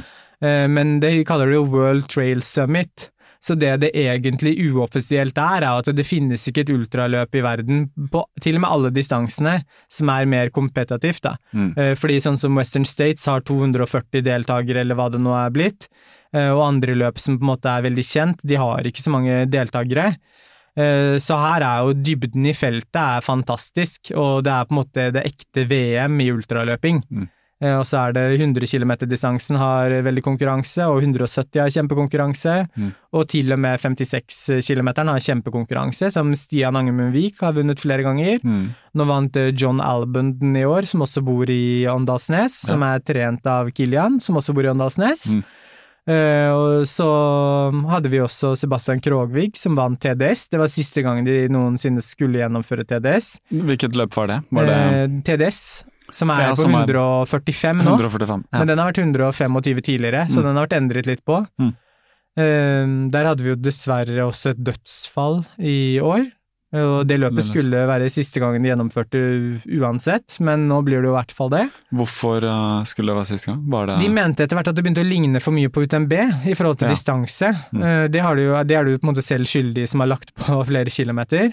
Eh, Så spekulerer jo noen i det at Ironman har jo kjøpt deler av løpet nå, og at det kanskje også de ønsker å endre på noen ting, da. Mm. Men nå blir det i hvert fall lettere for de å gjøre det etter som det var en ulykke også. Ja. For det var mer teknisk, Ja. og nå var det første gangen de sendte folk gjennom det mest tekniske partiet på natta. Mm. Fordi på grunn av korona så var starttidspunktene litt annerledes. Aha. Ja. Eh, Kan man jo også spørre seg om hvor lurt var, men Nei, eh, det skjedde jo, da. Ja. Ok, men UTMB er jo eh, Det må du kvalifisere deg til. Du må kvalifisere, så det er, nå, der er det jo gjort om litt nå, det er mye politikk inne i bildet òg. For det, det er på grunn av begrensa antall startene. Ja, det er veldig mange som søker. all- Allikevel så starter det Starter veldig mange. Veldig mange. som. CCC starter vel 2400 stykker starter. Men der er det ikke noe begrensning på hvor mange Kan eller? være med. Jo, jo, men det er kanskje 20 000 som søker Oi, om å være med, okay, okay. og de har allerede liksom, kvalifisert seg. Ja. Men da må du løpe Mange løp i Norge for eksempel står det sånn har UTMB-poeng, da. Ja. Og da må du samle opp eh, visst antall poeng for å få lov til å søke. Og det er jo også, så klart er det litt sånn pyramidespill, men det handler i størst grad om at du skal vite at folk har løpt lange løp før de dukker opp i Alpene og skal løpe lange løp. Ja. For det er mer risiko involvert i forhold til vær og på en måte andre ting, da. Eh, Så det synes jeg egentlig er helt fair, men nå har de også gjort en sånn system som gjør at eh, man kan samle på noen steiner fra å ha løpt løp som er organisert av UTMB-organisasjonen, og så får du ni lodd versus ett lodd hvis du bare har vanlige poeng, og Mhm. så det virker jo egentlig etter hvert som det blir blir veldig vanskelig å være med med mindre du er elite, Mm. Eller har betalt for å løpe andre løp organisert av UTMB. Mhm. Eh, Og det er jo kanskje ikke så veldig demokratisk lenger, da. Nei, Nei. men det er blitt stort og big business. Snakker om Ironman, har gått inn og kjøpt og Ja, de sier det ikke skal og- endre så mye, men vi får se, da. Det har jo ikke nødvendigvis vært så veldig dyr startavgift på disse løpene. Nei. De koster jo pluss-minus 2000 kroner, og i forhold til hva du sitter igjen med, så tenker jeg at det er helt uh, ok å betale. Ja, ja. Eh, Men vi får se, for en Ironman koster vel i snitt sånn 1400 euro eller noe. Mm, såpass, Så okay. vi får se hvordan det endrer sporten, da. Ja, jeg, visste, jeg visste ikke det, men det er jo interessant. Jeg skjønte at det er et stort varemerke. eh, blitt. Ja, Ja. for noen. Nei. Ja, for noen. ja, Ironman. Men da snakker vi om uh, den, de tre, tre en triatlon, Ja. ikke sant? Ironman. Uh, ja, uansett. Nok om det. Fortell litt om CCC. Hvordan kom du med der, da? Altså, hvordan Nei, jeg tror vel jeg hadde poeng fra Hornindal, Ja. og så hadde jeg poeng fra kanskje fra Ecotrail, og så poeng fra et par andre løp. Eh, og så søker man, og så er man heldig, så blir man trukket ut i en sånn loddtrekning, da. Um, og jeg, ble, jeg var ikke med første gangen, jeg søkte allerede til 2018, jeg. Mm. Jeg tror det var derfor jeg dro i 2017 allerede, for å finne det siste løpet i Sverige for å få noen poeng. Oh, ja, ja. Eh, og som for øvrig var et kjempeflott løp, da. Så, men det er også en, sånn, for en del løp så er det jo viktig å ha disse poengene, fordi folk eh, prøver å få poeng. Mm. Så kan det hende du tiltrekker deg noen folk ved å ha UTMB-poeng. Mm. Men da kom jeg ikke med første gangen, og så kom jeg med i 2019, da. Mm. Og det var på en måte sånn, en drøm for meg sånn rent løpemessig å skulle til å gjøre det løpet. Så da trente jeg jo kjempebra. Det var liksom kanskje første året jeg trente, dro det til skikkelig, da. Så jeg bikka vel sånn 140 000 høydemeter det året og løp eh, godt over 5000 km, da. Hovedsakelig terreng. Ja. Så ganske mange treningstimer. Da er det snakk om å bare, bare få ta det der. Hvordan får du inn så mye løping? Nei, nå er jo jeg på en måte heldig eller uheldig, da, som fortsatt ikke har barn. Ja, ja. Så eh, da var jeg 29, nå er jeg 31. Så, eh, men jeg har jo jobbet veldig mye. Men det er jo mye av løpingen skjer jo i helgen, da. Ja. Langturer. Men eh, du må ut, jeg er ute seks dager i uken som regel. Da. Jeg Ja. har en hviledag. Det ikke, hvis jeg har overskudd, så har jeg ikke hviledag. Mm. Men som regel så trenger jeg den hviledagen på å hente meg inn. Noen ganger mentalt også. Mm. Men uh, da er det som regel én tur om dagen da, på rundt halvannen time. Mm. Og så er det noen dager det plutselig blir en dobbeløkt, og så i helgen så er det en liksom en langtur, virkelig sånn kanskje tre-fire timer, Mm. og en tur som er to og en halv. Mm. Uh, og det, det må inn, da, hvis Ja, du skal uh, Men da får det- du inn mye timer, da. få inn det, så det er ofte sånn Ja. Jeg liker ikke å dra på og si at man løper noe mer, men jeg, sånn, det årets snitt er vel kanskje Snittet var rundt 100 km i uka, men det er jo uker der som har 140. Mm. Uh, og det er uker som har 10 000 høydemeter på en uke, Wow. tre på rad. Mm. Eh, Det så det eksisterer jo noen av de type sånn eh, litt sånn skippertak eller som også fungerer, da Ja. i perioder, men eh, så er det uker som har liksom 70 km òg. Mm. Det er ikke så mange av de lenger, men eh, de eksisterer jo før og etter løp, de også. ja, selvfølgelig. Men eh, skal man løpe langt, så tenker jeg at også rent sånn i forhold til slitasje og andre ting på kroppen, så bør man ha en viss mengde. Mm. Men eh, mange trenger kanskje ikke å løpe så mye sti eller få så mange høydemeter som jeg har valgt å gjøre for å eh, bare kunne fullføre, da. Men, eh, og det meste da, rett og slett uh, ute i marka? Lille Ja, marka, men jeg får jo litt transportløping. Jeg bor Ja. på Tøyen, så jeg velger jo ofte å løpe, i hvert fall etter korona, så løper jeg veldig mye til og fra også. mm, Eh, Men jeg ender jo en måte å ta T-banen mange ganger òg, for Ja. ikke få altfor lange turer. ja, Ja. på asfalt og så videre. Ja. Ok, så, så da var det mye mengde. Uh, og hvordan gikk det CCC da? Nei, den gangen så gikk det jo på en måte Det gikk jo veldig bra i forhold til eh, på en måte hvor man kommer fra, da. Det må Mm. man anerkjenne. Jeg endte vel opp på sånn topp 100 av herrer, 96.-plass eller noe, og løp på rett under 15 timer. Hadde det veldig tøft fra etter ca. 70 km, rett før 70 km. Mm. Fikk kramper og sleit veldig. Så det var litt skuffende på det tidspunktet, for jeg følte jeg løp veldig bra. Mm. Og hadde liksom hodet med meg, alt var liksom egentlig ganske fint. Eh, Men det skal jo bli tungt uansett, men kramper er en sånn vanskelig ting å jobbe med, da. Mm. Så da gikk det ganske mye saktere enn Jeg hadde liksom en ambisjon om å klare å karre meg under 13 timer. Det vet jeg ikke om jeg noen gang kommer til å klare der nede, men det er liksom drømmen, da. satt, ja. Eh, Det er jo veldig vanskelig, og det er jo kjempehøyt nivå der, så det er jo også en ting man på en måte Fint å møte seg selv i døra litt, for hvis du tror du er god til å løpe, da, så er det bare å dra dit. Så skjønner du at det er mange folk som er veldig gode på å løpe, Ja. men det er jo også egentlig veldig fint, du har alltid noen å løpe med. Men uh, topp 100 av Hvor mange snakker vi om startere her, da? Er 2400, kanskje, da, 2004. Mm. Wow. Ja. som har Og da er det jo kvalifisert vanvittig, tenker jeg. Ja, det er jo fantastisk, og det er jo alle de som er der, er jo liksom trent mye og fullført Ja. mye, mange løp Ja. og sånn, så det er jo veldig gøy, da. Uh, så da var jeg veldig sånn ja, Var fornøyd med det, da, men var, var sliten, helt klart. Mm. Ehm, så i år ga jeg meg på 70. Ja, Det Mm. husker jeg så. Uh, hva, Trodde vi hva skjedde? trodde, le, Legene og de folk der nede trodde med en gang at jeg har slitt med høyden, men så virker det mest sannsynlig i ettertid som om jeg har slitt med vaksine. Ja, det kan være. Så jeg har vært til en del utredning og andre ting hos lege, da. Nå Ja. begynner det å være bra. Ja. Så Men du er ikke den eneste som trener hardt som har slitt med vaksine. Det Nei, er mange som har stått fram ja. og Jeg har sett flere syklister og andre, og så legen min faktisk sendte meg en studie fra amerikansk studie mm. som viste at det var mange amerikanske idrettsutøvere som i en til og med testgruppe før de gikk ut med vaksinen, som mistet sånn ca. 20% av edgen eller toppen sin. Eh, Jeg jo det hadde, jeg er jo for åpenhet, så jeg hadde jo syntes det vært fint å få det kommunisert før jeg liksom begynte å lure på alt, alt hva som var galt med meg. Ja, ja. Men jeg skjønner jo også at kanskje da mange ikke hadde valgt å ta vaksine. Jeg hadde jo fortsatt Ja. tatt den, men jeg hadde kanskje forstått at eh, kroppen min kanskje Ja. trengte litt mer ja, tid, ja, da. Så det var jo liksom Men det er jo ikke overraskende, fordi en vaksine er jo en heftig prosess for kroppen. Det er lagd for å være en heftig prosess for å lage en immunreaksjon. Så, Jeg kjente jo ikke så mye sånn umiddelbart, nei, så nei. det som er rart, da. Men, jeg kjente eh, det på nummer to. Ja. Uh, Da ble jeg sånn influensa dårlig én dag, liksom. Mm. Og så gikk det greit. Men jeg kjente det i kroppen skikkelig. Ja. Men det er som sagt, jeg, jeg husker ikke hva han heter, men det er orienteringsløpet på, i verdensklasse som hadde blitt helt slått ut Mm. i år. Philip Ingebrigtsen uh, på første dose. Ja. Nei, det var etter første dose for meg. Jeg merket Ja. jo, jeg var helt i ok form dagen etter, på en måte. Løp intervaller, men Ja.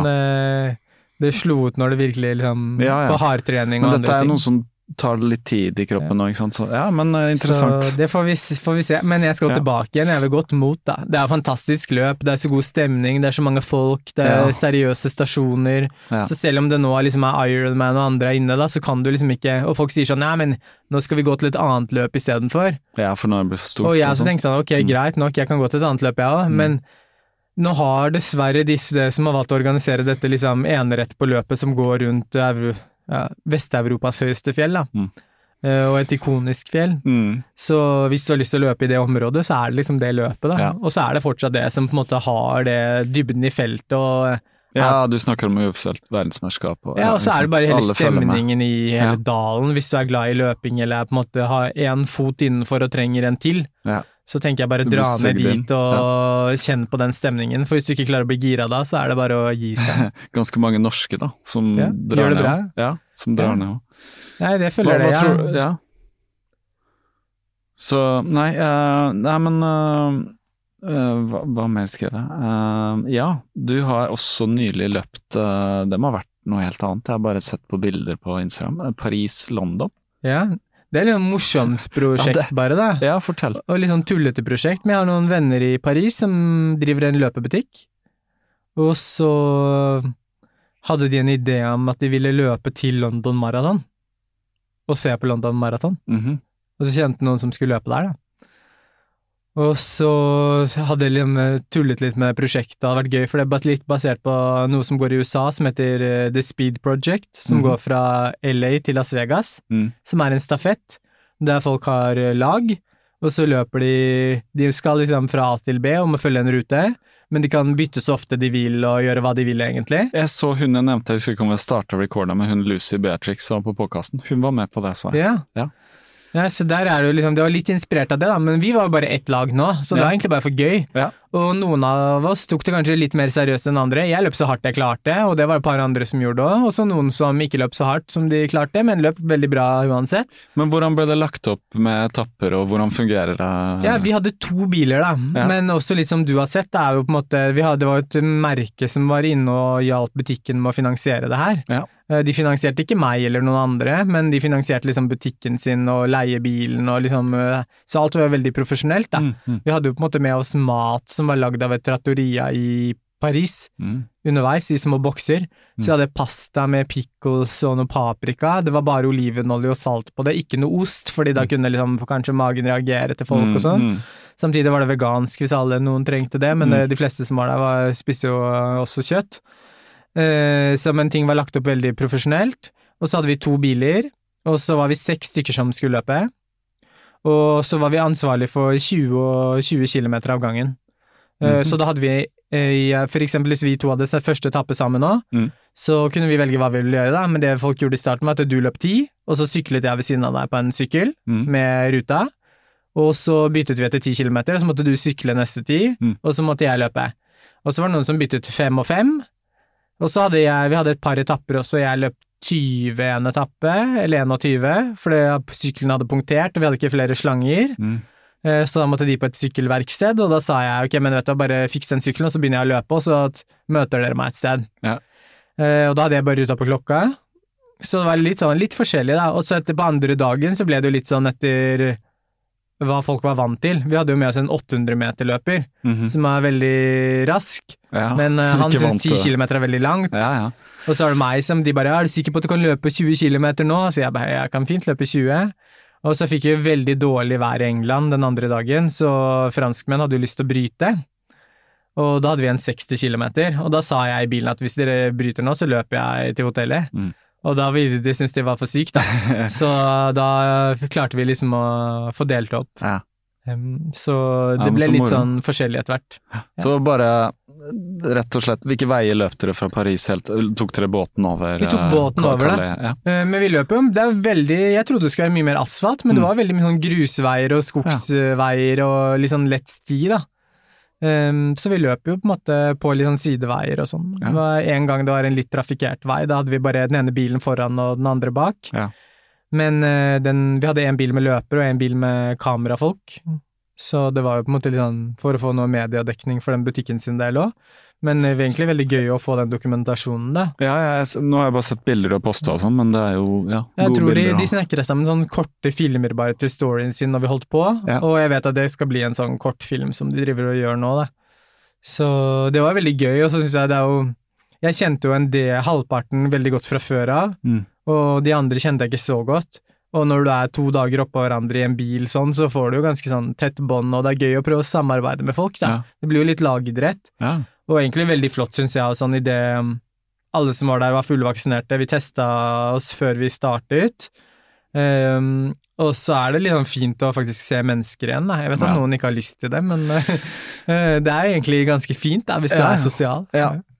Men hvordan eh, Jeg så jo nylig det var, var det i Italia før det Milano eller noe sånt. Hvordan, har du, hvordan kjenner du å løpe litt der? òg? hvordan har du kontakt med disse internasjonale miljøene? Sånn som de i Paris eller de i Italia? Jeg, jeg vet ikke helt, alltid, men så klart, etter hvert så er det jo sånn sosiale medier har en del å si, og så på en måte svarer jeg ofte folk som spør meg om ting, og, men jeg, jeg har også vært veldig søkende selv, da. Når jeg, de jeg møtte i Paris, var fordi jeg jobbet noe i Paris tidligere, nå jobber jeg litt der igjen noen ganger nå, men ikke så mye. Um, og da var det sånn at jeg prøvde å løpe før jobb, Mm. og så måtte jeg ofte løpe tidlig før jobb. Og så syns jeg noen ganger det var litt kjedelig å skulle løpe alene, jeg er ikke så glad i å løpe så tidlig, da. Så da fant jeg ut at det var andre som løp tidlig før jobb i Paris òg, og så begynte jeg å løpe med en gruppe, da. Og så møtte jeg noen andre der, så blir man kjent med folk, så Mm. tror løpere er jo veldig åpne, og det er veldig lett å bli kjent med løpere, da. Du kan være ny i en by, så kan man dukke opp i en fellestrening, og så blir du kjent med noen. Ja. Eh, og kanskje i større grad i utlandet enn i Norge òg. Første gangen jeg løp med de folka i Milano som driver en løpebutikk der, som har en annen gruppe, da følte jeg at de kjente jeg, jeg vet ikke om jeg kjente de, men de kjente meg, da. Veldig inkluderende. Så veldig inkluderende Ja, og veldig ja. hyggelig. Så de gangene jeg har vært der nede på jobb nå, så er det sånn fort sånn, noen sender meg melding om jeg har lyst til å De har en bil og skal kjøre en time ut av Milano og løpe på en eh, fjelltopp, så spør de meg. Ja. Det er veldig hyggelig å bli inkludert Ja, i det. kjempe. Ja. Så gøy. Ja, så morsomt. Det, det er jo litt det jeg har på blokka her, og jeg skriver stamme, da. Mm. Stamme. Det er viktig for oss. Stamme, Mennesket er jo stamme, stammedyr, eh, egentlig. Vi, Mm. vi trenger det. Og tilhørighet og sånn. Hva Ja, du har jo sagt litt allerede hva det betyr for deg, men eh, da har du kanskje fått kjenne litt på det under korona. Eh, og ikke hatt liksom et miljø, men det har kanskje vært noen du har løpt med og sånn. Men hvor, hvor viktig er det for deg da, personlig, å ha et miljø? Ja, det er jo veldig gruppe. viktig. Jeg var jo heldig under korona at eh, noen av de jeg brukte tiden min med, også var løpere. Mm. Eh, Så de få som var i min type kohort, da. Og vi var Mm. veldig strenge, vi var veldig få jeg så inne, for eksempel. Mm. Men eh, det var kanskje tre-fire stykker som jeg løp med under store deler av det vi liker å kalle lockdown. Vi Ja. fant vel ikke et en bra norsk ord for det heller. Nei, kunne vi gjorde kalt det. ned, Nedstenging, men, eh, men uh, vi brukte lockdown her òg. ja. ja. Men uh, som ja, Da kjente jeg liksom ok, v- v- av de alle løperne jeg henger med i Oslo, da, hvem er egentlig ja, min kjerne? Mm. Det ble vel kanskje enda mer tydelig under pandemien, da. Mm. Og så ble det også kanskje litt tydelig av folk som hadde Som jeg sier, vi var veldig strenge alle sammen, men når folk hadde enda strengere pekefinger enn det Erna hadde, så ble det kanskje også litt tydelig hvem i gruppa som kanskje egentlig ikke var en dine, dine i gruppa. Mm. Utenom å skulle begynne å tråkke på noen tær nå, sikkert noen som blir Mm. provosert. Men eh, så det også kom jo litt frem, tror jeg, under en zombie, i forhold til det med stamme da, under pandemien. Ja. At det kanskje folk du trodde var i stammen din, eh, ikke helt var i stammen din. Mm. Um, og så Ja, men det betyr jo mye, og det syns jeg er veldig flott med det å kunne liksom Jeg prøver, byttet jo jobb for å reise mindre før pandemien, og nå reiser jeg litt igjen i den jobben jeg har nå, så det er også noe jeg sliter med selv, da, på personlig plan. Mm. Men det er jo fint det å kunne møte andre som ikke har alle de samme forutsetningene som deg, eller helt samme kulturen som deg, Mm. og forstå at man har så mye til felles fortsatt, Mm. og at eh, det på en måte miljøet er veldig globalt, da. at det har litt forskjellige tilnærminger forskjellige steder, men at man er en del av en eh, sånn større sammensvergelse om å være aktiv da, Ja, ja, i en verden som egentlig er veldig passiv. ja, absolutt. Ser, ser du noe på en måte utvikling i de senere åra på Vi har snakka litt om ja, Hans Christian har vært der, Johannes og Stirstad og er ganske sånn kjent konsept. Er det flere Nå har det jo vært selvfølgelig i- interrupted i, i mangel på bedre ord av korona, da. Så jeg nettopp begynte igjen. Men det, ser du flere som kommer til, som søker litt ut av det, det, er jo litt sånn fokus på liksom asfalten versus eh, skogen og stien versus ikke sant, asfalten, og det er litt sånn jeg har jo sagt ja takk, begge deler, og jeg må jo bare på en måte improvisere litt i forhold til hva tid jeg har og hvor jeg er og sånn. Uh, så jeg blir kanskje mer allrounder. Men ser du det, at det der er en forflytning? Uh, nå har jo løping blitt så stort at jeg mm. tenker at kanskje når så mange løper gateløp som har gjort det siste åra, så renner det kanskje litt over, da. At man syns det er blitt litt sånn Du har gjort det en gang, sånn som du har og jeg har, og så er det litt sånn Det er ikke så behov for å stå med 10 000 hele tiden, eh, liksom. Så det kan bli sånn deilig å komme seg ut og ja. Men ser du en forflytning, eller er det Det virker fra mitt standpunkt, da, eller ståsted heter det vel, eh, som det er en sånn økende interesse for Det er jo eh, veldig økende. Ja. Det ser man jo på deltakere i løp og antall løp, mm. at det er veldig økende. Og så er det jo litt forskjell på hvem som kommer til, da. Det jeg tenker at vi kanskje har liksom Det er jo pandemien sin skyld, mener jeg, men det har kommet flere løpegrupper til i Oslo. Det er et par løpegrupper som, ja, en løpegruppe som en venninne av meg har, som har fått rekruttert veldig mange kvinner. Det tror jeg er kjempebra, da, fordi kvinner har jo ofte ikke hatt lyst til å løpe i grupper. Heller ikke med vennene sine, for de er redd for nivået og redd for liksom uh, hvordan ting er.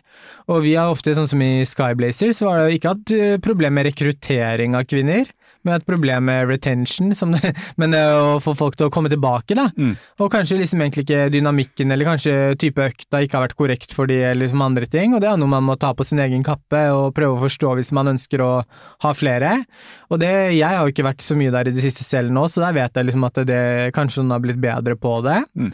Og det kan godt hende det var litt jeg som har løpt for fort, eh, for også. Jeg, jeg, jeg titta på det i går, for jeg tenkte at uh, nå hadde jeg ikke sjans på tid, men jeg bare titta inn på den siden, for det skal jeg slenge meg med, har jeg tid? Og så, ja. så, så, så jeg litt, og da virka det som ok, det var organisert med litt forskjellige nivåer forskjellige og sånn. Forskjellige grupper nå, da. Ja. Delt opp litt, og, og det, det tror jeg er fint. For men, at jeg kan jo si ja, sånn som uh, Jeg har jo løpt tirsdag, og ser jo nivået og sånn, og så plutselig er jeg litt utafor med ikke løpt så mye på sti, og da vet jeg at da blir det tøft etter en stund, så da tenker jeg at det har vært fint å ha noen andre som ikke det går så Det tror jeg man har tatt litt høyde for nå, men det er også ja. kanskje det som gjør at det, som jeg skulle til, sånn, det er veldig mange har begynt å løpe.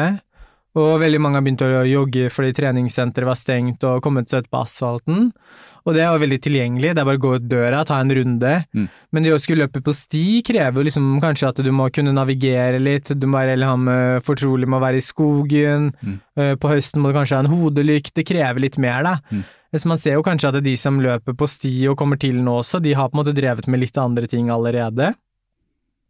Og så tror jeg altså under pandemien, så i hvert fall sånn jeg ser det, med mindre det har dukket opp noen andre grupper som ikke er klar over, så det kan hende bare en følelse, men jeg føler at man kanskje ikke har fått helt rekruttert uh, de som er i den aldersgruppen som jeg var når jeg startet, da, som er om fem år yngre enn meg nå. Mm. De har ikke kommet seg ut på stien, da. 25-26-åringene? Ja, sånn 60, i ja. slutten av 20-årene der, da. De, ja. de, har ikke, føler ikke at vi har fått veldig sånn mange av de som har kommet til, da. Mm. Uh, nå løper jeg med en liten annen gruppe på tirsdager nå som løper intervaller, som kanskje er litt mer sånn ja, satser, da, ja, men som også er åpen for alle, alle, men alle som har lyst til å satse på sitt nivå. Mm. Uh, og der er det et par folk som er litt yngre, men de har holdt på løpet siden de var uh, bitte små, så de har jo ikke kommet til nå i det siste. Nei, da. Så, men jeg tror nok eh, se jo, liksom, Idretten prøver jo veldig hardt nå på en måte å demokratisere det. Veldig mange store merker prøver å bygge mye historiefortelling rundt på en måte stiløping og det mm. å være ute. Mm. Uh, så det kommer nok i løpet av de neste par årene en sånn boom her hjemme, i hvert fall, for det ja. er noe som ligger oss nært, da. Ja. Uh, så jeg tror nok ikke Man skal liksom ikke se bort ifra at det plutselig vil veldig mange prøve å løpe et skogsløp, i hvert fall, kontra det å liksom løpe Oslo halvmaraton. Mm.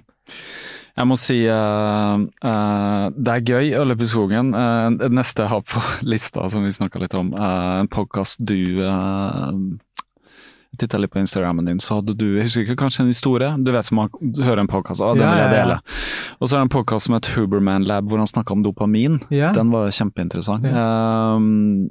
Og det skal jeg spørre litt om, men dopamin som er så viktig for oss. Jeg bare merker at jeg var uh, på Nesodden nå uh, litt i sommer, og så var jeg der forrige uke, og så løp jeg på sti, og, bare, og da var det en stund siden, og fy søren, altså formen min var ikke noe sånn super, men så gøy, bare. Altså, jeg kjente at den derre jeg tråkka litt rundt på liksom samme løypene i Oslo, men plutselig bare være ute i skogen igjen alene og tidlig, og det var regn og man er litt lost og Det, det var skik skikkelig gøy.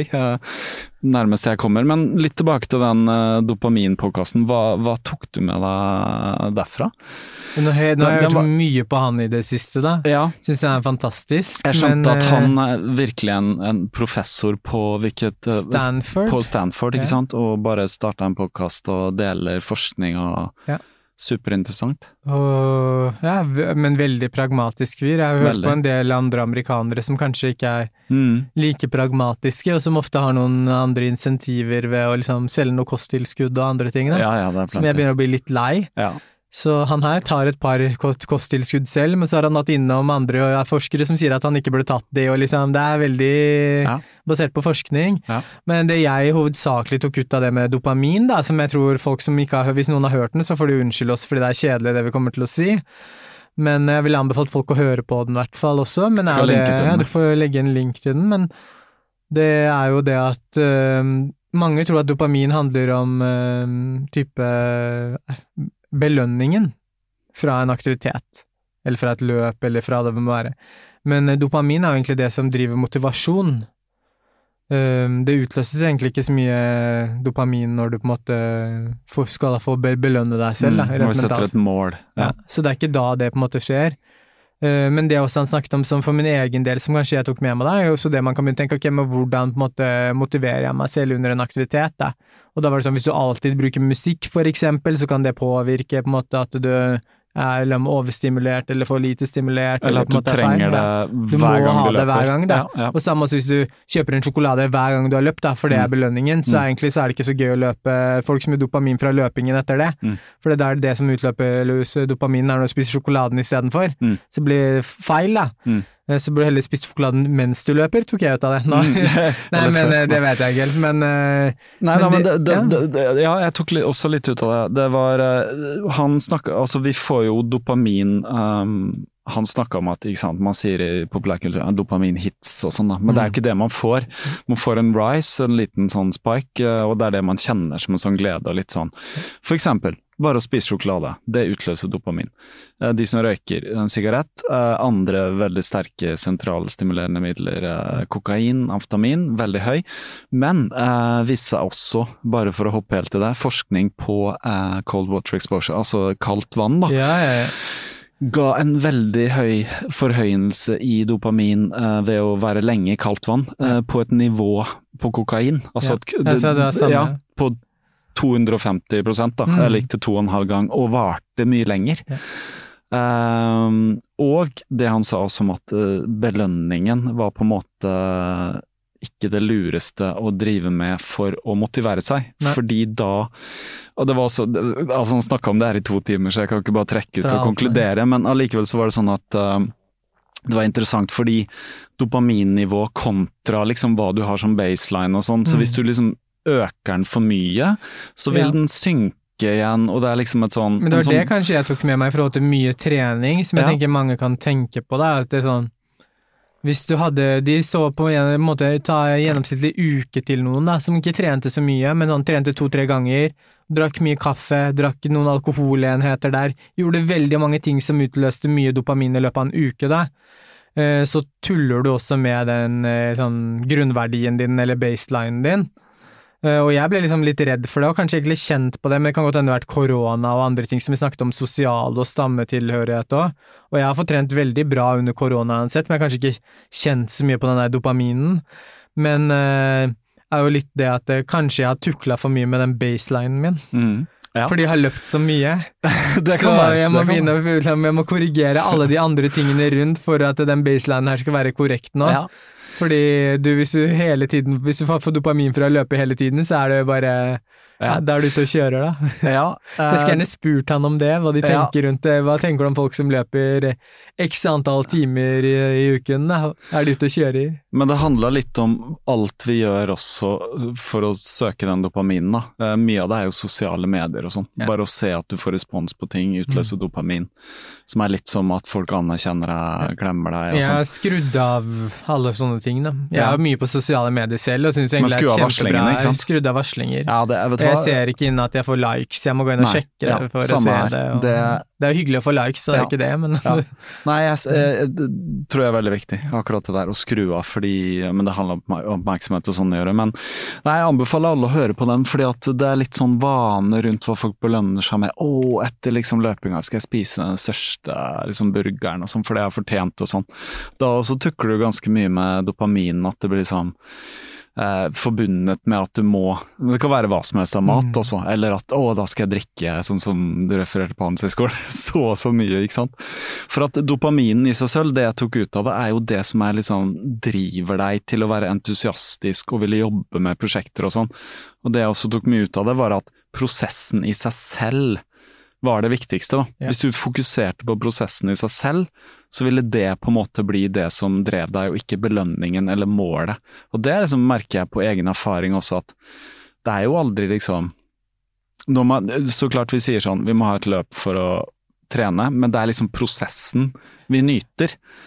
Ja, for meg Eh, kunne du liksom noen ganger fjernet det løpet eh, Ja, når altså, du, det dagen ikke- før, da. Ja, hadde det gått ja, ja. fint, men eh, så det er jo mer det som sier prosessen og Men det å jobbe mot noe, altså, det er mer det å ha et mål, da. Ja. Og det handler jo mer noen ganger om å lure seg selv òg, fordi vi bor i et land med mange årstider og Mm. ganske hardt vær, da. Veldig. Så hvis du er gira på å komme deg ut liksom en eh, november, sen novemberkveld etter jobb, i mørket, alene, i liksom ja, eh, sidelengs regn, Ja, ja. så er det mye lettere å komme seg ut hvis du hadde planlagt at du skulle løpe en maraton i mars, da. Men det er også sånn, jeg, jeg kjenner jo på det der at uh, snakke om, ikke sant? Han snakka om musikk under løping, må du drikke den energidrikken før, og så og så videre. Jeg kjenner jo at veldig mye, ofte når jeg går ut og løper, så er det den derre å, jeg kan være litt alene, for jeg har to barn og bor i en leilighet på Grünerløkka med kondobarn. Men også å, skal jeg høre på den podkasten, den har jeg gleda meg til, eller hvis jeg holder på med lydbok eller et eller annet sånt. Uh, men noen ganger så tvinger jeg meg bare å si jeg legger en telefon hjemme, så bare løper jeg fordi at nå prøver jeg å være til stede i det som skjer, eller Og da er det kanskje tøffere å motivere seg hvis det er november og det regner og Men etterpå får du uansett en økt dopamin. Altså du kjenner det, du kommer aldri eh, nedstemt tilbake fra en løpetur. Nei, det har Eh, ikke skjønt. Nei, men det skjer ikke. Nå skjønner vi litt hvorfor òg, for Ja, det er liksom den øker, så ja, kjempeinteressant. Håper vi har solgt inn den uh, litt nå, da. Um, hva, hva mer er jeg skrevet uh, her nå da, Patrick? Hvor lenge har vi holdt på? Har du, hvordan er du ja, Nei, jeg pleier alltid å si jeg har hele livet foran meg. Jeg har Ja. vel strengt tatt ikke akkurat det i dag. men Nei, det har du ikke, for at du det bare Vi skal ikke sysle så veldig lenge, fikk vi et brudd på det her også, men vi har i hvert fall holdt på en stund eh, etter det, uten at jeg ser hvor lenge. En god time. Uh, du, skal du reise i morgen, var det sånn? Du er avtalt og teksta fram tilbake når vi skulle Jeg skal reise en tur i morgen òg, så jeg hadde egentlig lyst til å løpe løp i Marka på lørdag, men eh, det utgår. Ja, Men jeg får hjelpe å crewe noen andre som skal løpe et løp. eh, Hvor litt, skal du? eh, Jeg skal til Milano en tur, Ah, men eh, jeg må kjøre, kjøre litt sør derfra for et annet møte og litt andre ting også. ja. Så du skal være med noen, du skal ikke løpe selv, du skal være med Nei, noen? jeg skal ned for jobb, men så Ja. er det jo helg eh, der òg, som alle ja, andre steder. Så noen jeg kjenner skal løpe et løp på lørdag, og de spurte om jeg ville løpe løp, men jeg er nok også blitt litt sånn at jeg stiller ikke opp i alle løp bare for moro. Mm. Så det, hvis det ikke passer helt kalenderen, så vil jeg ikke bare være med for å være med. Jeg kan være med i noen løp, da, hvis det er litt kortere ting og sånn, syns jeg er gøy. Mm. Men uh, da kjenner jeg noen som skal løpe, syns jeg no, nesten noen ganger er like givende å hjelpe andre folk under et løp. Mm. Løpe litt rundt og være litt crew og kjenne litt på stemningen. Lærer man litt av det òg, eller? Sånn jeg tror man lærer veldig mye av det. Det skulle jeg vel egentlig sagt sånn tidligere i forhold til når jeg dro ned første gangen for å hjelpe noen på CCC og TDS, da. Mm. Er jo det at det du Bare det å være frivillig òg på en eh, matstasjon Mm. i et langt løp, men vær det på en av matstasjonene mot slutten, hvis du Mm. kan få velge. Mm. Fordi når du selv kommer til det tidspunktet i et løp, så er du ofte veldig sliten, og så Mm. tenker du at det er noe galt med deg. Mm. Men etter å ha sett veldig mange andre løpere på mange matstasjoner i mitt liv, også elite-elite, eh, så skjønner du at eh, alle er helt ferdige. Mm. Så det er ikke bare deg det skjer Nei, noe med, det er liksom standard. Så det, men det så gir det jo mye det, og du ser jo folk er ganske sårbare da. Det skal veldig lite til før noen setter veldig pris på noe. Mm. Så det er også sånn veldig sånn mellommenneskelige ting og enkle relasjoner og bånd som kan Ja. knyttes på ting som egentlig ikke er så veldig Ja, ja. komplisert. da. Hvilket løp er det som gikk her på lørdag, som du snakker om? Ivar Formos. Å ja, det er det. Ja, stemmer. Ja, ganske raskt løp. Ja, jeg har men, eh, løpt én gang. Ja. Det Men jeg morsomt, kommer tilbake igjen så jeg rekker Lillomarka rundt, da, som Johannes arrangerer. Ja, det så jeg 23., var det det? Ja. Litt Så- eh, Er det 50 Det er 48. Den Ja. heter vel kanskje 50, men det er 48. Så. Jeg var sånn, jeg tenkte et sekund på kan jeg klare det? Hva, hvor, hvor vanskelig er det? Jo, det tenker jeg du kan Eh, klare deg. Nå har jeg Ja. fått flere til å melde seg på det løpet, som sikkert kommer til å få en uh, litt tøff dag ute. da. Ja, ja. Men uh, det var jo litt ideen også, første gangen Johannes arrangerte det, var jo liksom at det, det er lavterskel i forhold til at det er gratis. Mm. Og så er det på en måte veldig lokalt, og så er det jo ren sti nesten bare. Det er noe grus der òg, Mm. men det skal være mm, mulig for folk å ja, få seg et ultraløp i marka, da. Mm. Uh, ganske lav terskel, og så er det jo på en måte, kommer du til Nittedal og ikke har lyst til å fortsette, så er det bare å hoppe på toget, da. Ja. Og kommer du til Røverkollen og ikke har lyst til å fortsette, så er det to kilometer ned til, eller, eller to og en halv kanskje, ned til T-bane. Ja. Og så kommer du til Årvoll og ikke har lyst til å fortsette, så er du på Årvoll, da kan, jeg du Ja. de fleste veien ned. ja. Eh, Så du har jo flere muligheter til å på en måte bryte her uten at det skal få så veldig store konsekvenser. Mm. Men eh, jeg tror ja, det er en fin dag i marka for mange, da, og noen bruker lang tid, og noen har tenkt å bruke veldig kort tid. Mm. Hvor du har løpt før og løpt fort? Ja, jeg løpt ganske fort eh, på trening eller eh, underveis, og så det første året når vi løp eh, sist, så løp jeg ikke så fort. Jeg, vi løp jo på første- og andreplass, jeg løp med Sindre Burås, Mm. veldig morsomt, for han hadde aldri løpt ultra før. Mhm. Og så løp vi sammen hele veien, og så stopper jeg for han fordi han får litt krampe, og så for å knyte skoen, og så kommer vi til Grefsenkollen, og det er to kilometer igjen, og så ser han ikke på meg engang, så begynner han å spurte, Oi. og så begynner jeg egentlig å le litt inni meg, fordi jeg har konkurranseinstinkt, men jeg har ikke den type Nei, nei. konkurranseinstinkt.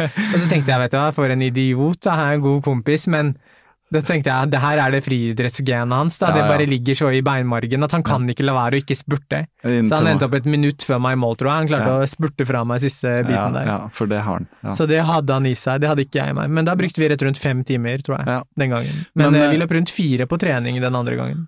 Men hvor, eh, hvor, eh, hvor lang tid vil du estimere at en sånn gjennomsnittlig fyr som meg da, måtte bruke? Nei, men jeg tenker jeg får kanskje bruke rundt åtte timer, da. Ja. Ja, tenker jeg. Kanskje timer. mindre enn det Ja, òg, men ja. eh, si sånn Da har man tatt det ganske rolig, da. Syv-åtte timer. Ja. Mange kommer i mål på sånn mellom seks og syv. Ja.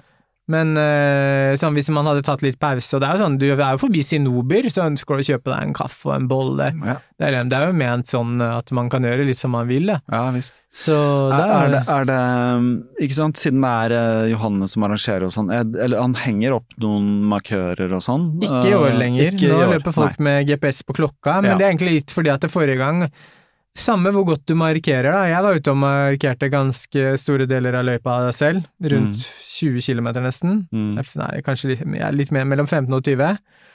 Um, så er det alltid folk som klarer å løpe feil. Ja, Allikevel. Det er nesten bedre at folk har eh, ruta på klokka, for Mm. da begynner du å skjønne når de Da må de følge med. Ja. Og så er det jo ganske mange som skal løpe òg, så hvis man klarer å finne seg en gruppe, så er det ofte noen som er ganske gode på å navigere, selv Ja. om man må jo ha med ruta selv. Ja. Eh, Men det er jo det på en måte litt sånn betryggende. Jeg er nettopp uh, blitt litt sånn introdusert til det rute på klokka, for det hadde jeg ikke på den gamle, men jeg, jeg, jeg solgte et gammelt uh, analogt kamera, og da tok jeg meg råd til å kjøpe en sånn Fenix-klokke Ja. med rute Da er du mer fancy enn meg, men eh, jeg har løpt med den her, jeg har den Forerunner, men med Ja. rute. Men eh, det, det er litt sånn, litt kronglete kanskje å bli vant til, men det er egentlig veldig intuitivt. Jeg hadde det på en gamle Fenix 3 til og med, der var det bare en strek. Ja. Men uh, Den her er en sånn uh, som har kart. Ja. Det er den, jeg hadde kjøpt den brukt, da, så jeg ikke skulle betale. Det koster jo, jeg spør meg, så er altfor dyrt for en klokke, men ja, eh, for den som hadde det kartet, jeg har testa det, og det funker. Eh, det løp- fungerer veldig bra. Altså piper det når du skal til høyre og venstre når du har lagt inn en rute, og, Ja. så det er ikke så vanskelig å forholde seg til. Da. Jeg klarte å bomme, jeg kan fortelle. For jeg løp jeg på Nesodden i helgen, så er det en sånn gjeng der ute som er Nesodden Trail Runners og har lagd en sånn Blaze Cup der, da. Så jeg ville løpe to av de rutene. og da la jeg på klokka, og da er det en rute som krysser seg selv, da. ok, så tok du tilbake igjen? Ja, så når jeg kom til det krysset, så trodde jeg skulle ta til høyre, Ja. eh, mens jeg skulle rett frem, for jeg så bare på, og så overså jeg kanskje en pil eller noe sånt. Men da var liksom klokka med på, ja, det her skal du bare videre og sånn. Og plutselig så sendte den meg tilbake til utgangspunktet etter bare fire kilometer. det var litt skuffende. men så det er jo på en måte en robot, da. En, Ja. eh, Men, Ja, ja. eh, men eh, ja. Andre gang jeg løp, så tok jeg faktisk la inn ruta på den Gaia GPS, og så Mm. jeg ok, hvor går det her, liksom. Så, så det er fullt mulig å få det til i marka, og, sånn, eh, og siden det er såpass mange. Eh, men du skal løpe den? Bestemt deg? Mm. Jeg skal løpe den. Ja, det, må, får- det må jeg. Det gleder Ja. jeg meg til. Ja, Det er høydepunkt i år. Hvis jeg skal gjøre det, så må jeg bare Er det lov å liksom vente til å kjenne på hvordan man har det dagen før, eller noe sånt? Det er jo alltid lov, det. Ja, da. ja. Det tenker jeg. Få spørre Johannes. Ja, ja. Ja. Nei, det anbefaler jeg hvis man liksom har lyst til enten Nei, jeg har løpt mange ultra fra før av, men jeg bare har lyst til å kjenne på det, da. Så Jeg har jo fin- litt lyst til å kjenne på det i marka, og nå løper jeg sånn der asfaltultra, som er mer sånn bare Ja, det så jeg. Det Veldig sånn ja. psykisk, ikke sant. Bare orke å løpe lenger. Her går det litt fortere. Vi snakket om i går, Ja. vi løper intervaller på sti nå, og Ja. den løper ganske hardt på sti, da. Mm. Og det er mye lett, den økta går mye raskere på sti enn når jeg løper det, det samme intervall flatt. Ja. Det er mentalt lettere. Ja. For det går litt opp og litt ned, og Ja, det er litt ja. ting å forholde Ja. seg til. Jeg liker å løpe fort på stia, men jeg har ikke sjans, jeg har ikke noen form nå til å holde noe fart over lang tid. Jeg, Men en trenger ikke å løpe så fort når man skal løpe 50, det er det Nei, som er det, Nei, det er det jeg ikke kan. Så for meg handler det om, som du sa, hvilken fart skal man liksom holde seg på da, om nye pauser og sånn. Jeg får bare se det litt an. Eh, Det, det høres i hvert fall gøy ut. Eh, Litt sånn, jeg har skrevet uh, mat, kan vi alltid snakke om. Eh, de fleste som løper på høyt nivå har litt sånn forhold til mat og kosthold og hva man putter i seg og sånn. Ja. Og Har du noe filosofi eller noen tanker rundt det? Jeg har vel det, og så kanskje blitt mer og mer opptatt av å ikke prøve å sånn, prakke ting på folk, da. Men Ja. jeg har ting som fungerte godt for meg. Mm. Eh, Jeg men det syns det bare er var- interessant å høre om forskjellige erfaringer. litt som vi var inne på egentlig tidlig, da, er jo egentlig mm, sånn når jeg flytta ut hjemmefra, Mm. så er det sånn første gang jeg trenger å forholde meg til hva jeg skal spise. Kanskje jeg hadde noen ideer om det før, men jeg var ikke jeg som lagde maten. Nei. Lagde jo noe mat, men sånn satt på spissen, da, så var det ikke jeg som bestemte de tingene. Når du bodde hjemme med Ja, ja. Nei, nei. Ja. Og da er, da er du barn, da, for Ja. frem til du flytter ut, liksom. Det er barn. Til. Du tror kanskje du er voksen, men du er fortsatt barn frem til jeg du er 19 år hvis vi flytter ut da. Ja. Og så måtte jeg begynne å ta stilling til de tingene, da. Men sånn fra jeg var om i hvert fall 21, tror jeg, kanskje litt før, jeg husker ikke helt sånn på dagen, så har jeg vel egentlig vært eh, vegetarianer, som, eller i hvert fall det mange vil kalle liksom, pesketarianer, da. Ja. Eh, Men jeg er nok også litt sånn fleksi i forhold til trening.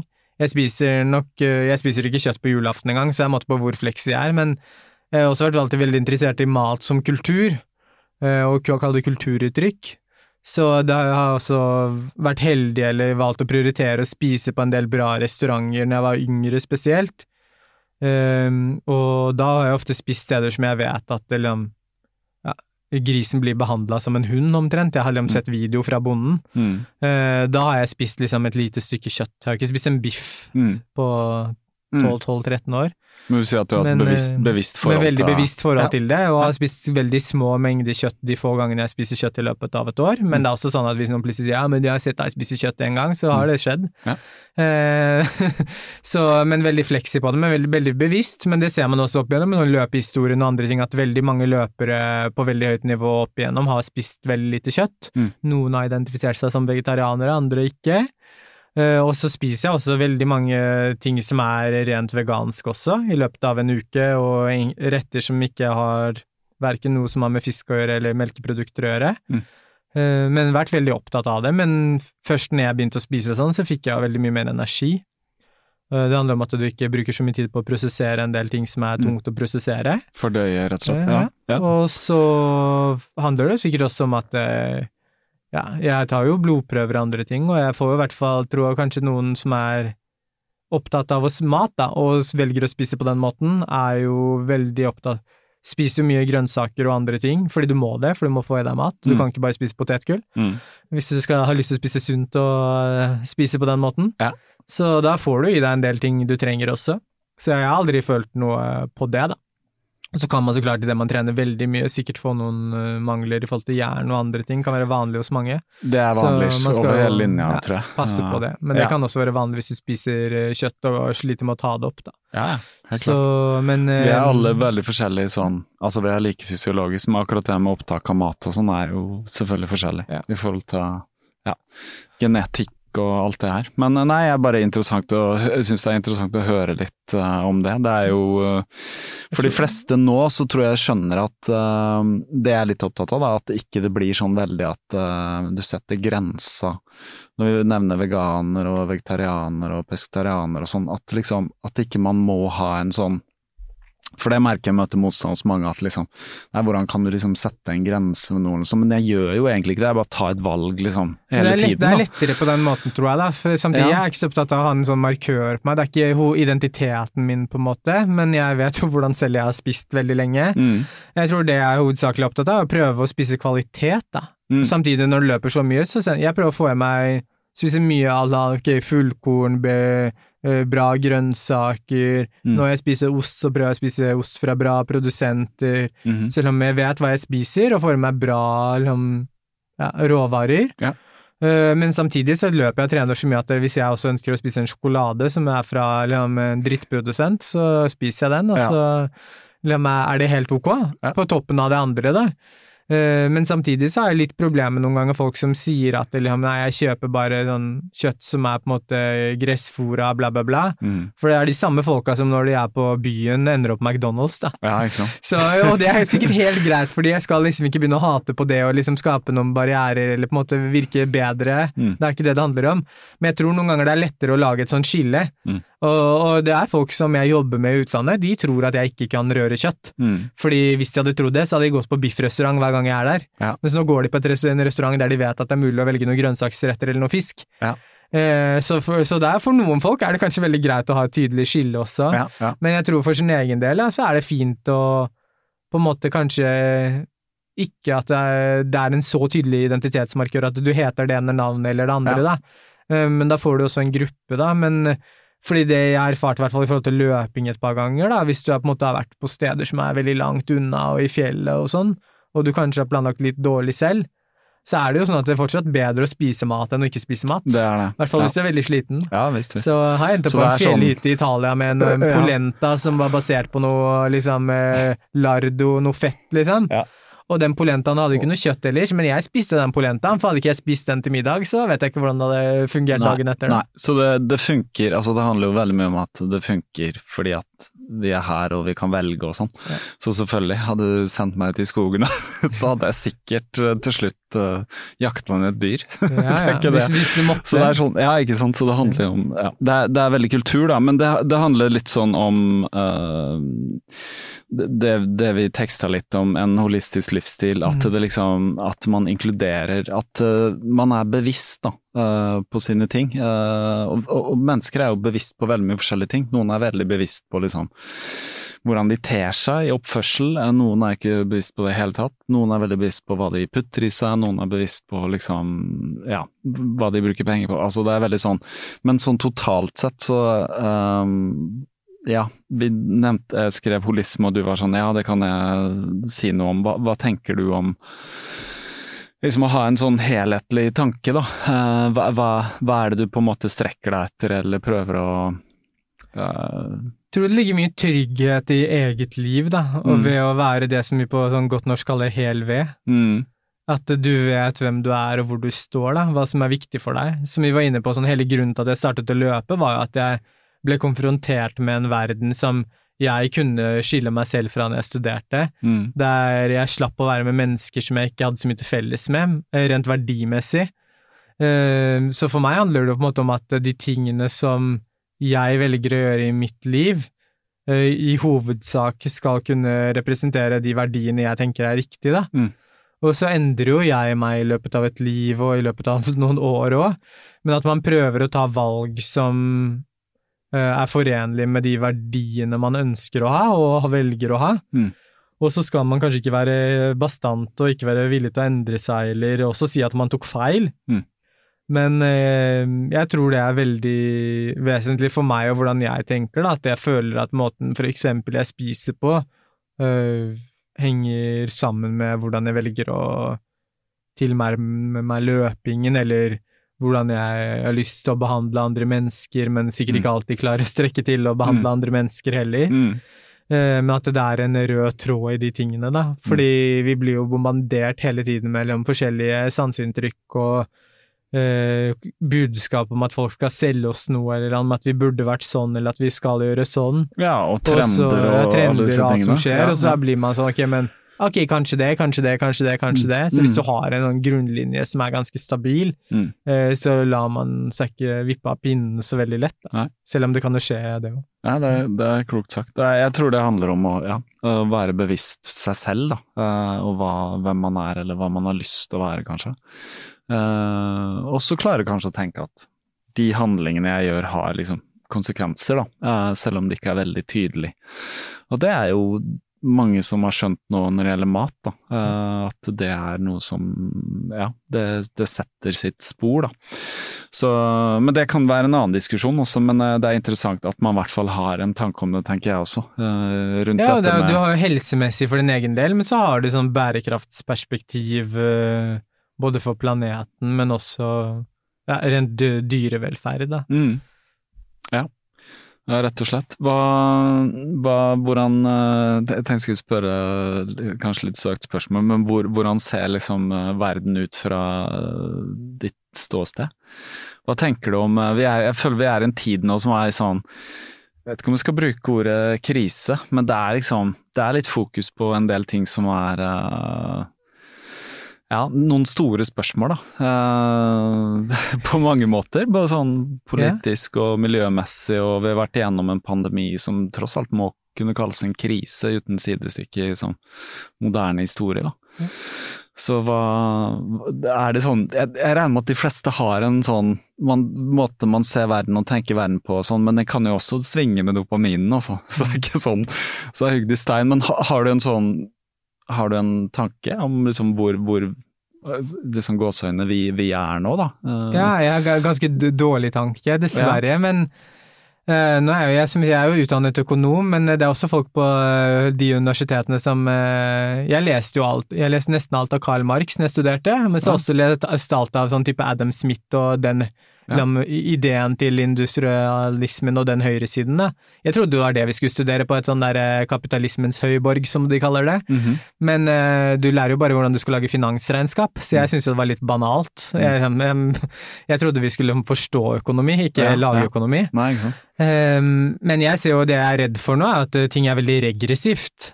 Og så hva man, det er jo at ting går tilbake, da, og det ser vi jo rent politisk i forhold til at så kan man jo være uenig i hvor man står rent økonomisk eh, politisk. Det er jo også kanskje liksom mer, mer midt på en eh, kjempevenstre eller kjempehøyre, rent sånn hvordan man skal implementere ting. Men når du ser forhold til abortlover og kvinners rettigheter, homofiles rettigheter, Mm. eh, og fremveksten av partier som er liksom enkeltparti, eller enkeltsakspartier, men også på en måte retorikken til, eh, som jeg ikke er redd for å si engang, men retorikken til for eksempel Senterpartiet, da, Mm. eh, som for min del, jeg trenger ikke å si høyt her nå, men som minner meg nesten om liksom ting som skjedde tidlig i forrige århundre, Mm. og så kan folk velge å se på det og si at det er søkt nesten å si, men det er liksom noen ting som er litt for eh, sammenfallende og på en måte skumle som skjer, Mm. og så har man sånn type, jeg så den dokumentaren som NRK har kjøpt nå også, så jeg, QAnon-dokumentaren som ligger på NRK, som jeg kan anbefale tre episoder, hvis man ikke kjenner til QAnon, og hvis man kanskje kjenner til, så se den nå, veldig bra. Mm. Eh, Men det eneste Skrivende. som kommer inn i den som jeg ikke visste selv, er at eh, de sa, nå kan det hende jeg sier feil, men det var pluss-minus 10% jeg mener å huske 12 av amerikanske befolkningen som liksom sympatiserer eller er enig med QAnon. Mm. Og da tenker jeg umiddelbart at det er noe du får fordi du har valgt å ikke ha et eh, skoles utdannelsessystem som er gratis, Mm. øh, der folk ikke har lært seg kildekritikk. Ja. Og det som er Eh, for dårlig generelt sett. Og generelt altfor dårlig Ja. skolesystem. Og da kan man jo si sånn ja, ok, men eh, det er folk sitt eget ansvar å få seg utdannelse, som amerikanere mener, men det er jo tydeligvis ikke det, for det går utover alle andre fordi de ikke har fått det nå. Ja. Eh, Så jeg er egentlig veldig redd sånn, hovedsakelig, ok, kanskje store deler av Europa, vi har brexit også, jeg har mange venner i England, ting går ikke bra, nå klarer de ikke å få har ikke sjåfører, så de klarer ikke å få seg bensin engang. Ikke sant? Det er et sånn problematikk man ikke trodde man skulle ha i dette århundret, da. Og heller ikke i forhold til kvinners rettigheter og andre ting som også man ikke trodde man skulle ha lenger. Vi trodde vi var ferdig med de diskusjonene. Mm. Trodde vi vi skulle videre. kampene. Ja. Ja, nå må vi gå tilbake igjen. Mm. Uh, og så har du også sånn at liksom, folk blir sykt provosert over at det finnes en veggie de luca på Grünerløkka, liksom. tenker jeg Ja, blir, folk provosert av det? Ja, ja, men sånn, visse ja, politiske partier i Norge er provosert av det. Så ikke jeg med bønder i Norge kan jo også lage grønnsaker. Så jeg er litt sånn til og med i Norge litt sånn Jeg begynner nesten å være litt lei av deler av debattene, da. Jeg tenker om hvor mange kamper Så klart, jeg er villig til å ta disse kampene, jeg òg. Men rent sånn politisk så tenker jeg sånn, er vi virkelig nødt til å ta disse kampene igjen, da? Mm. Um, så ser man også sånn, man klarer, for, klarer ikke å få på plass en bra rusreform engang, fordi man har basert ting på ting som ikke er fakta. Mm. Uh, så jeg er ikke helt sikker på hvordan jeg, tror denne verden ser ut om 50 år, da. Nei, vi tror jo hele tiden at det er framskritt og at alt blir bedre og bedre, men det er tydelig at vi må ta noen tilbakesteg òg. Um, men så tror jeg vi er helt i barndommen på internett og sosiale medier. Da. At vi har ikke klart å regulere, og vi har ikke klart å Og du snakker om QAnon og sånn. Storming av Kongressen og sånn. I USA hadde ikke vært mulig uten liksom Nei, og når de først kom inn, så visste de ikke hva de skulle gjøre. Nei. Da skulle de ta selfie. Ja, Så de hadde ikke, hadde ikke noen plan med det Ingen her. plan. Det var bare liksom Noen sa Nei, ta det, gå og storm Kongressen og si fra at dette er ulovlig, liksom, og så gjør de det, og så hva skal vi gjøre? Men uh, ja.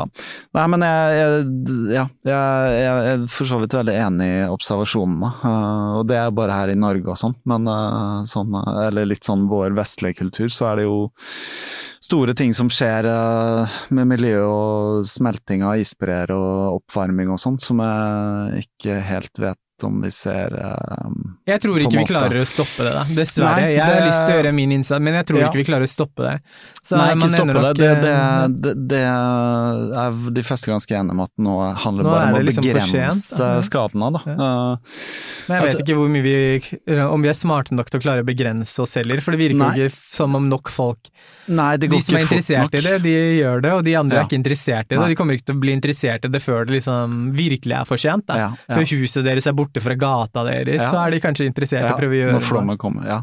Nei, det er det. De fleste vil ikke gjøre en forandring før de virkelig kjenner det på kroppen. Så, men hvem vet, altså det kan være håp, men det kan se litt sånn eh, på tampen, holdt jeg på å si, på starten av det 20.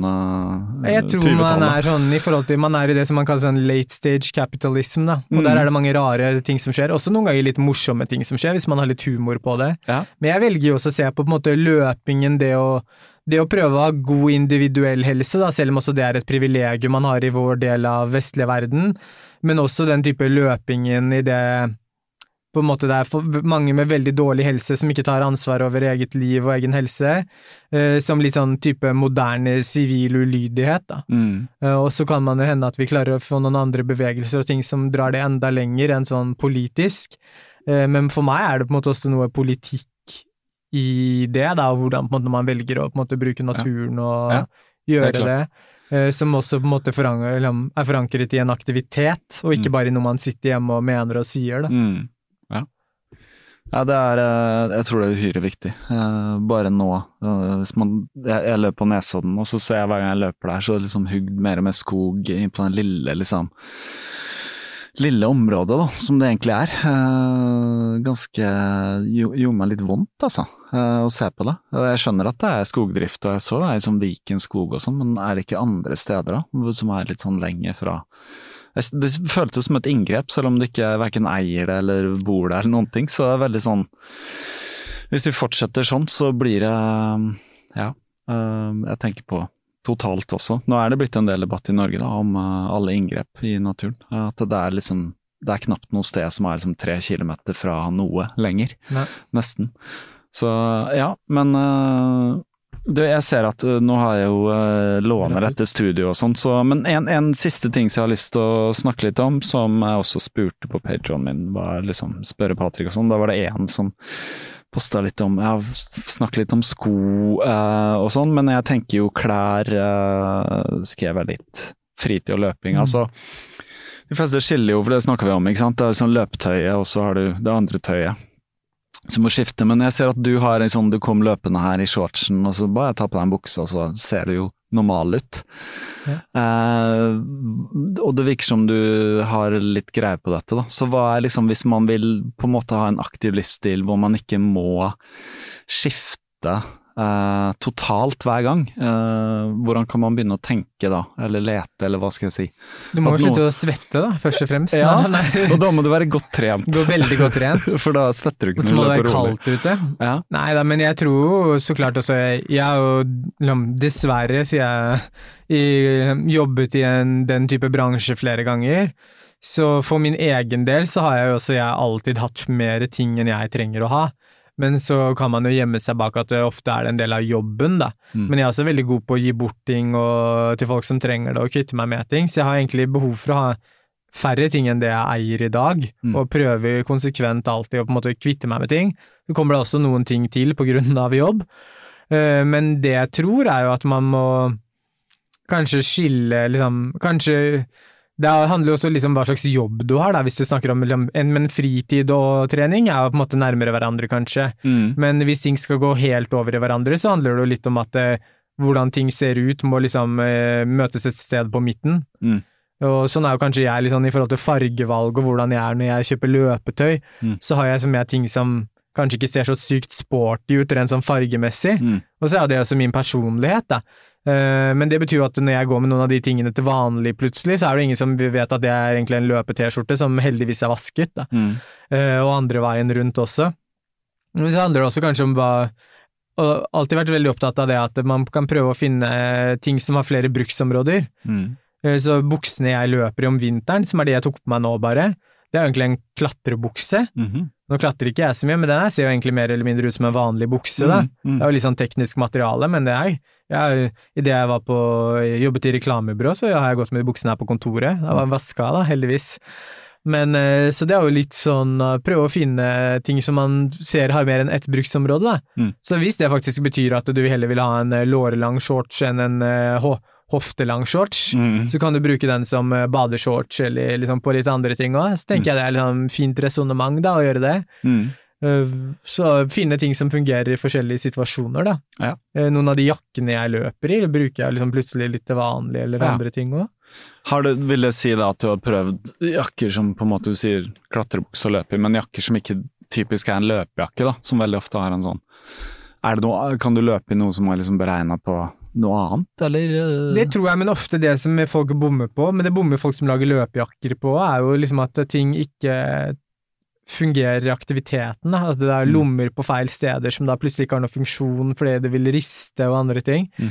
Men jeg tror kanskje andre veien, at man heller kan finne oss noen ganger Sånn som Det finnes jo folk som løper som jobber på visse store merker, da, som lurer inn liksom ting i design som Mm. du kanskje plutselig begynner å kjenne igjen. Ja, det var smart som, lø som løper, så vil jeg ikke ha lomme der og der, det må alltid være, det må være lomme et annet sted. Mm.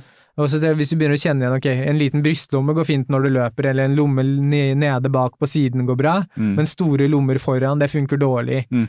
Det er samme som om veldig mange skatere ble arkitekter, og så Mm. plutselig ser du mye arkitektur som er skatebar en generasjon etter. ja, ja. Og det er sånn, det er, det er liksom eh, en gave til eh, generasjonen etter deg, ikke sant? ja. Så, mens mange andre folk som godkjente de tegningene og prosjektene, de skjønte jo ikke at det var skatebart, for de var ikke skatere. Nei. Så jeg tror liksom man må bare se etter ting i design som Mm. måte kan passe for aktiviteten sin, Ja. og så tror jeg ikke man skal være så låst til hva som er markedsført som løpetøy. Mm. Jeg har flere venner som løper, jeg også løper en del i merinoull. Ja. Eh, men eh, jeg mener også at for rent bærekraftsmessig så er det ikke bra å ha 100% merinoull, for det eh, kan fort liksom få mye slitasje. Mhm. Så dessverre så er liksom lang, ja, holdbarheten er mye bedre på noe som kanskje er 80-20. Ja. Men det er jo ting som også ofte ikke lukter så mye så fort, da. Ja. Så du kan, trenger ikke å vaske det så ofte, men så er det også kanskje ting du kan gå med til vanlig eller ellers. Det ser ikke så liksom trening ut. Ja, det er akkurat det. Jeg har nettopp gjort meg noen erfaringer med det med, med trøye og Ja. marinoull og skjønt at uh, Men det du sier er at hvis det er 100 så slites det Ofte, da. Det det, kan, det ser jeg på de gamle tingene jeg har. Veldig hullete, Mm. faktisk. Ja. det kan ofte gjøre det. Ja. Så jeg også var veldig sånn plutselig ja, den puritansk, bare det skal være 100 når Ja. vi, vi finner Ja. noe her. Og så kan noe av det være litt svakere enn ting som er eh, Mm. litt miks, da. Mm. Bare Men det du snakker om svette, det er jo noe eh, de fleste har erfart, tenker jeg, at teknisk tøy som er uh, syntetisk, Mm. lukter jo mye bra, ja. Nei, ikke bra i det hele tatt. Forferdelig. Ja. Det kan man jo ikke Selv etter vask så har jeg opplevd at det ikke på en måte er Du må putte det i fryseren. Ja, ok, det er det. Dreper du bakterier? Det er bakterier, ikke sant. Men det er jo ikke et problem med merinoil. Nå har jeg løpt i en sånn merinoil-mikstrøye, da. Ja. Bare henger den ut over natta. Uh, Jeg slipper meg å vaske ting så ofte også. Ja, ja, ja. Jeg også løp faktisk, vi måtte bare prøve å huske hva jeg hadde på meg nå. Jeg også Ja. løp med, det var faktisk 100% merino, den Ja, jeg løp med når Ja. jeg kom her. Uh, nei, ok, men uh, interessant. Det der kunne vi snakka mye om. Men det er liksom se, se etter funksjon og litt design og hva man liker og Ja, altså prøv å kjøpe ting som ligner de tingene du hadde likt hvis det også ikke var løpeting, tenker jeg. Mm, Ting som liksom eh, passer til personligheten din eller hvem du er, da. ja, ja. Så kan du bruke det litt sånn om hverandre, og så klart ser du jo sporty ut, men jeg kjøpte jo også en sånn teknisk eh, skjorte en gang, jeg, som var fra en sånn utendørstøyprodusent. Mm. Eh, Den gikk jeg med på tur, og så kanskje litt for pynta ut, og så gikk jeg med den noen ganger til vanlig, og så så ikke nok pynta ut, Mm. men eh, Mm. den fungerte jo på begge, begge ja, ja. deler, da. Ja. Uh, har du noen tips om da sko? Gode løpssko? Du må gjerne nevne Er det mer- merker merker, da? Jeg, jeg, jeg prøver å teste veldig mye, da. Ja. Jeg løper Jeg har ikke en sponsor, jeg kunne hatt en sponsor. Mm. Jeg har fått veldig mye sko gratis, Mm. Eh, så det kan jeg bare si, så har jeg sagt det. Mm. Eh, Men jeg har også betalt for en del sko. Eh, Og så gir jeg feedback til en del folk, og så er det noen som hører på det, og noen som ikke hører på det. Mm. Det er jo en helt ærlig sak. Mm. Men det, det jeg ser etter i sko, er jo først og fremst Jeg tenker det er terrengsko, i hvert fall. Da. Jeg har jo ikke hatt asfaltsko, men jeg tenker det er en ligning, da. Mm. Som er en kombinasjon av på en måte passform, stabilitet, demping og grep. Mm. Og de fire tingene liksom bør være på plass for å ha en god sko, i hvert fall for ultraløping. Mm. Og så skal du løpe kort, så er du kanskje veldig opptatt av eh, stabilitet og grep. Trenger ikke så mye demping. Mm. Passformen er heller kanskje ikke så viktig, for du skal løpe kort. Mm. Uh, sånn bra at den sitter, men den kan være litt ukomfortabel nesten, hvis du bare skal løpe ti kilometer på sti. Uh, og så er det veldig mange i marka som er veldig opptatt av grep, da. Bare grep. Det er liksom i vårt miljø blitt en sånn greie, da. Mm. Så veldig mange ender opp med å løpe med orienteringssko. Mm -hmm. Det er kjempebra grep på et par produsenter, som for eksempel VJ, men eh, det har ikke så bra demping, og kanskje ikke tidenes passform heller, sånn rent objektivt sett, i forhold til hva de har av midler til research. Da. Mm. Eh, Så har jeg opp igjennom løpt veldig mye med Salomon. Vært veldig fornøyd med passform på mye Salomon. Det er ganske smale, så passer jo ikke alltid alle folk. I dag nå så løper jeg med en helt ny sko fra Salomon som heter Ultra Glide, som skal være en sånn mengdesko. Den er ikke fra den derre S-Lab Performance-linja, Mm. men er også prismessig også da litt mer tilgjengelig.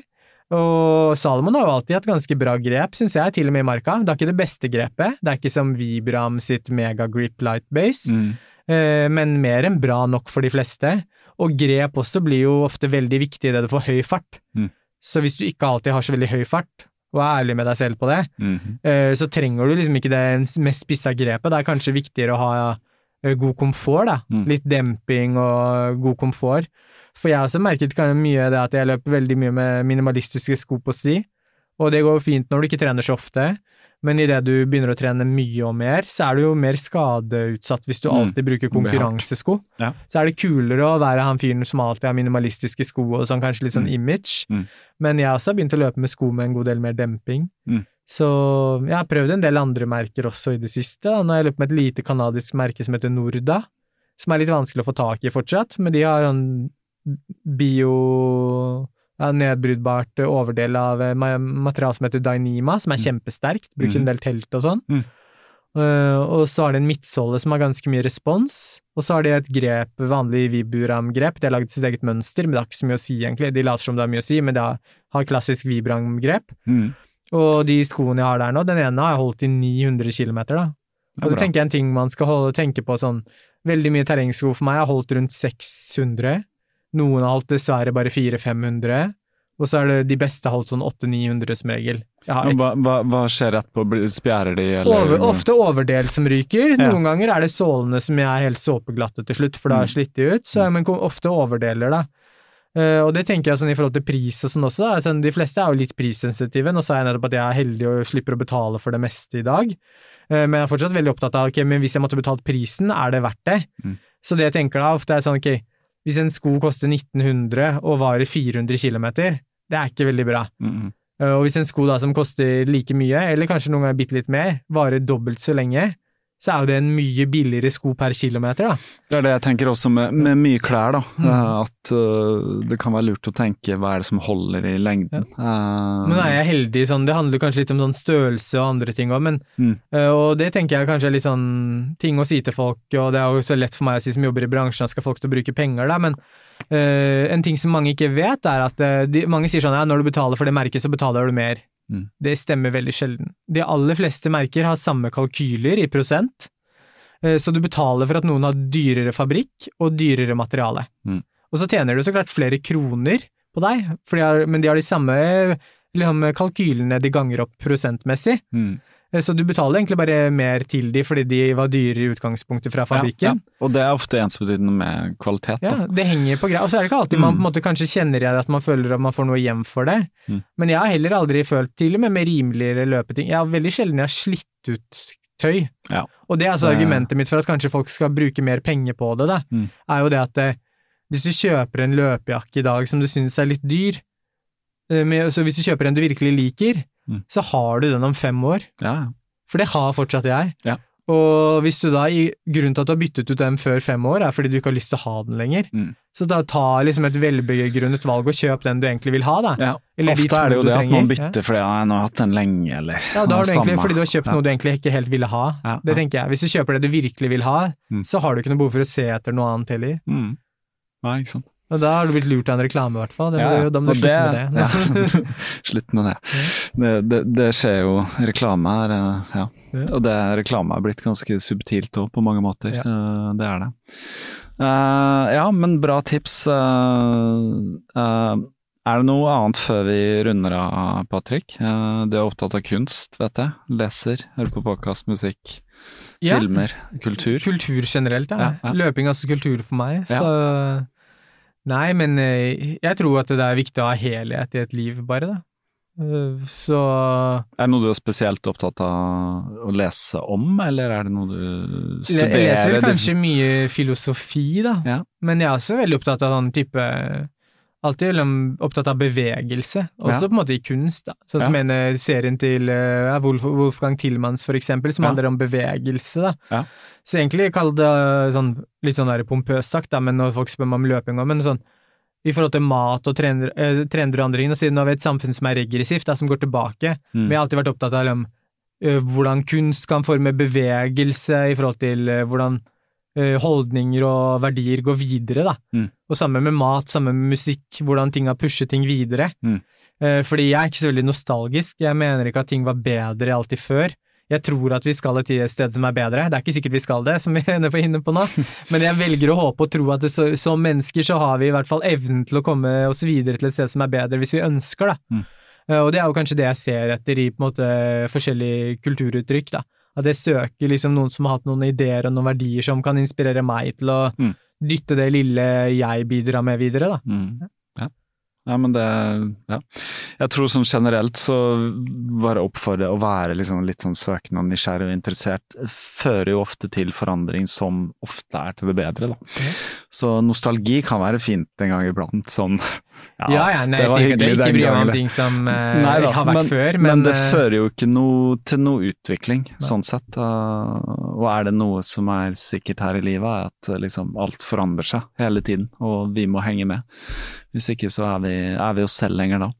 Jeg vet ikke, eh, vi kunne sikkert filosofert videre, men nå tror jeg vi skal gi oss, fordi jeg vet at hun sitter der ute og Hun skal spille venter. podcast, hun eh, det tror jeg ikke, men uh, jeg, jeg husker ikke om jeg nevnte det, men jeg kommer til å si det i introen nå, eller har jo sagt det allerede på det punktet dere hører, at uh, jeg uh, er jo i et nytt studio, for det gamle er ikke der lenger. Og det ja, vanligvis på dagtid så brukes det, men jeg kontakta henne så sa hun sånn ja, jeg sitter utenfor og en annen gang kan du få nøkkelen og sånn, men det er første gang hvis det er noe sånt, så nå har vi holdt på en stund. Du skal av gårde i morgen. Eh, Jeg tok med kamera, jeg vet ikke, det er mørkt ute. Vi kan prøve å ta et bilde. Hvis ikke så vet jeg du har mye bilder. Ja, Så vi fikser post, vi fikser det. Men jeg bare si tusen takk for at du kom, Patrick. Ja, selv takk, veldig hyggelig. Eh, Ja, det var veldig hyggelig jeg, eh, at du tok deg tid. Nå skal du hjem og hoble og pakke og er klar, sånn noenlunde. Aldri, men Aldri. eh, det er jeg okay. vant til. Ja, ja. Nei, det er kanskje du vet litt sånn, du er litt sånn som meg, du vet hva du skal ha med deg når Ja, du drar på tur. Det er ikke sånn at man må gruble sånn som min kone. Hvor mange kjoler, eller den, eller hvor skal jeg? Det går fint. Nei, men ok, da sier jeg bare tusen takk, og så um, linker jeg til de tingene vi snakker om, og din Patron og sånn, og så lykke til med alle løp. Nå fikk vi ikke spurt så veldig mye om uh, neste løp, men du har noen planer sånn framover, eh, regner jeg med? Ja, ja, ja. Ja. Det finner vi ut av. Ja, vi gjør det. Ok, tusen takk igjen. Selv takk. Da var uh, enda en episode i havn. Vil bare si uh, takk til alle som lytter. Det er fortsatt veldig gøy å lage podkast. Jeg eh, setter pris på alle tilbakemeldinger jeg får. Uh, fått en del meldinger. Um, takk, uh, Simen, uh, for meldinger her om dagen. Det er alltid gøy å høre. Um, så vil jeg si takk til Patrions, um, som har holdt ut lenge. Tålmodige Patrions, fått noen meldinger. Nå kunne jeg legge ut at det kom en ny episode. Uh, spurt om noen hadde noen spørsmål til Patrick. Hvis du har lyst til å få vite litt uh, på forhånd hva som skjer, og hva som skjer underveis, og litt uh, ting knyttet til podkasten, så er det link i uh, podkastnotatene til Patrion skråstrek, som det heter, Kaptarepodkast. Uh, støtt gjerne podkasten der, det gjør det mulig for meg å bruke tid. Podkast er først og fremst tid, tid er penger, som vi vet. Uh, Superduper takk til uh, megapatrions uh, Erik, vært med lenge, nå må vi løpe snart. Uh, Rasmus, vært med veldig lenge, uh, håper alt er vel, vi snakkes snart. Andre kompiser som Stig og Magnus som støtter, eh, Eivind, Johannes og alle dere andre. Veldig glad for det. Eh, ting og tang glemt i podkasten, LCD Sound System vil jeg fram til med den låten eh, 4533. Ligger link til den. Uh, ligger link til QAnon-dokumentar, dokumentar, som Patrick nevner. Og så bare atter en gang takke Northern Playground for trøyene. Anbefaler alle å teste. Uh, gi meg en lyd om det er noe å lure på der. Så uh, vil jeg uh, bare annonsere noe som uh, er veldig aktuelt for dere løpere som bor i Oslo. Jeg har laget et nytt uh, Kaptaremesterskap. I fjor laget jeg Kaptaremesterskapet 2020, som var en løype, en uh, rute på Strava, et segment. Det ble løpt av en del, men forsvant litt i korona osv. osv. Um, men i år så har jeg uh, laget et nytt Kaptaremesterskap, inspirert uh, veldig av uh, dere uh, i Skyblazers og dere på Nesodden Trailrunning som har lagd Blaze Cuper. Som jeg har ikke vært med her i Oslo, men jeg har vært med på Nesodden og blitt veldig fascinert av det formatet som, som eksisterer der, via websiden som heter ripple.run. Helt briljant hva dere har fått til. Um, jeg skal legge link til det også, men det er altså ripple.run. For dere som har hørt om det, så er det bare å gå inn der. Uh, lag deg en profil ved hjelp av Google-kontoen, som de fleste har. Så kan du melde deg på løp. Nå har jeg lagt ut Kaptare-mesterskapet 2021 med tre løyper uh, som går gjennom urbane strøk. Uh, det er uh, enkelt og greit. Uh, det ligger tre løyper der med GPX-filer. Følg de uh, løypene, og når du har løpt, så laster du opp der. Så får du en poengsum beregna på tid og vanskelighetsgrad og litt sånn. selvfølgelig, det er litt teknisk det her, så jeg anbefaler jo um, at man har litt innsikt, men um, terskelen er lav. Jeg gjør det sånn at jeg laster ned den GPX-fila, har laget den, eh, lagret den, heter det, på klokka. Kan løpe etter den på klokka med piler hit og dit og sånn. Det oppdaget jeg på Nesodden i sommer, det var veldig gøy. Uh, takk til deg, Niklas, som, uh, som lagde gøye ruter på Nesodden, hvor jeg løp meg uh, vill i skogen. men moro var det. så bruk de GPX-filene som ligger der. Jeg har laget tre ruter som jeg har hatt morsomt med. Den ene er en allerede eksisterende rute. Det er bare å løpe parkrun på Tøyen. De to andre er noen fine turer som går over noen topper her i Oslo. Um, så er det ikke om å gjøre å løpe fortest. Jeg vil si at uh, det er om å gjøre å delta, og uh, helst fullføre. Så dere har ut året fram til og med 31. desember på det. Uh, nå snødde det i Oslo i går, men jeg tror at det kommer til å være bart ganske lenge, så her er det mulig å, å løpe på fortsatt tørre stier. Så det var altså Ripple Run kan dere bare gå på den websiden og sjekke ut. Og anbefale alle som har lyst til å lage sitt eget lille lavterskel uh, mesterskap eller arrangement, å bruke den. Det er virkelig godt lagd av dere som står bak dette. Så um, er det bare å ønske dere fortsatt god uh, løpings. Um, håper alle har det bra. Uh, etter at vi er vendt tilbake til uh, i gåseøynene normalen, og og uh, dere trives med alt som dere driver med. Jeg heter Marius Hauge, lager Kaptarepodkast, og uh, dere hører fra meg snart igjen. Ha det godt.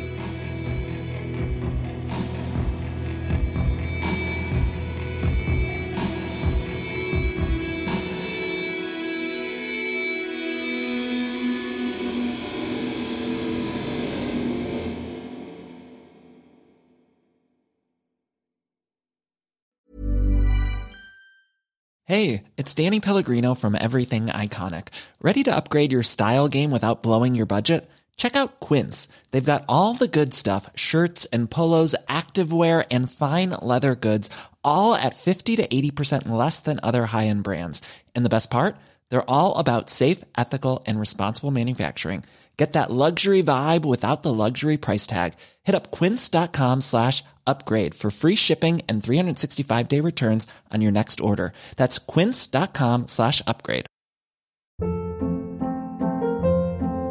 Hold up. What was that? Boring. No flavor. That was as bad as those leftovers you ate all week. Kiki Palmer here, and it's time to say hello to something fresh and guilt-free. Hello Fresh. Jazz up dinner with pecan-crusted chicken or garlic butter shrimp scampi. Now that's music to my mouth. Hello Fresh. Let's get this dinner party started. Discover all the delicious possibilities at hellofresh.com.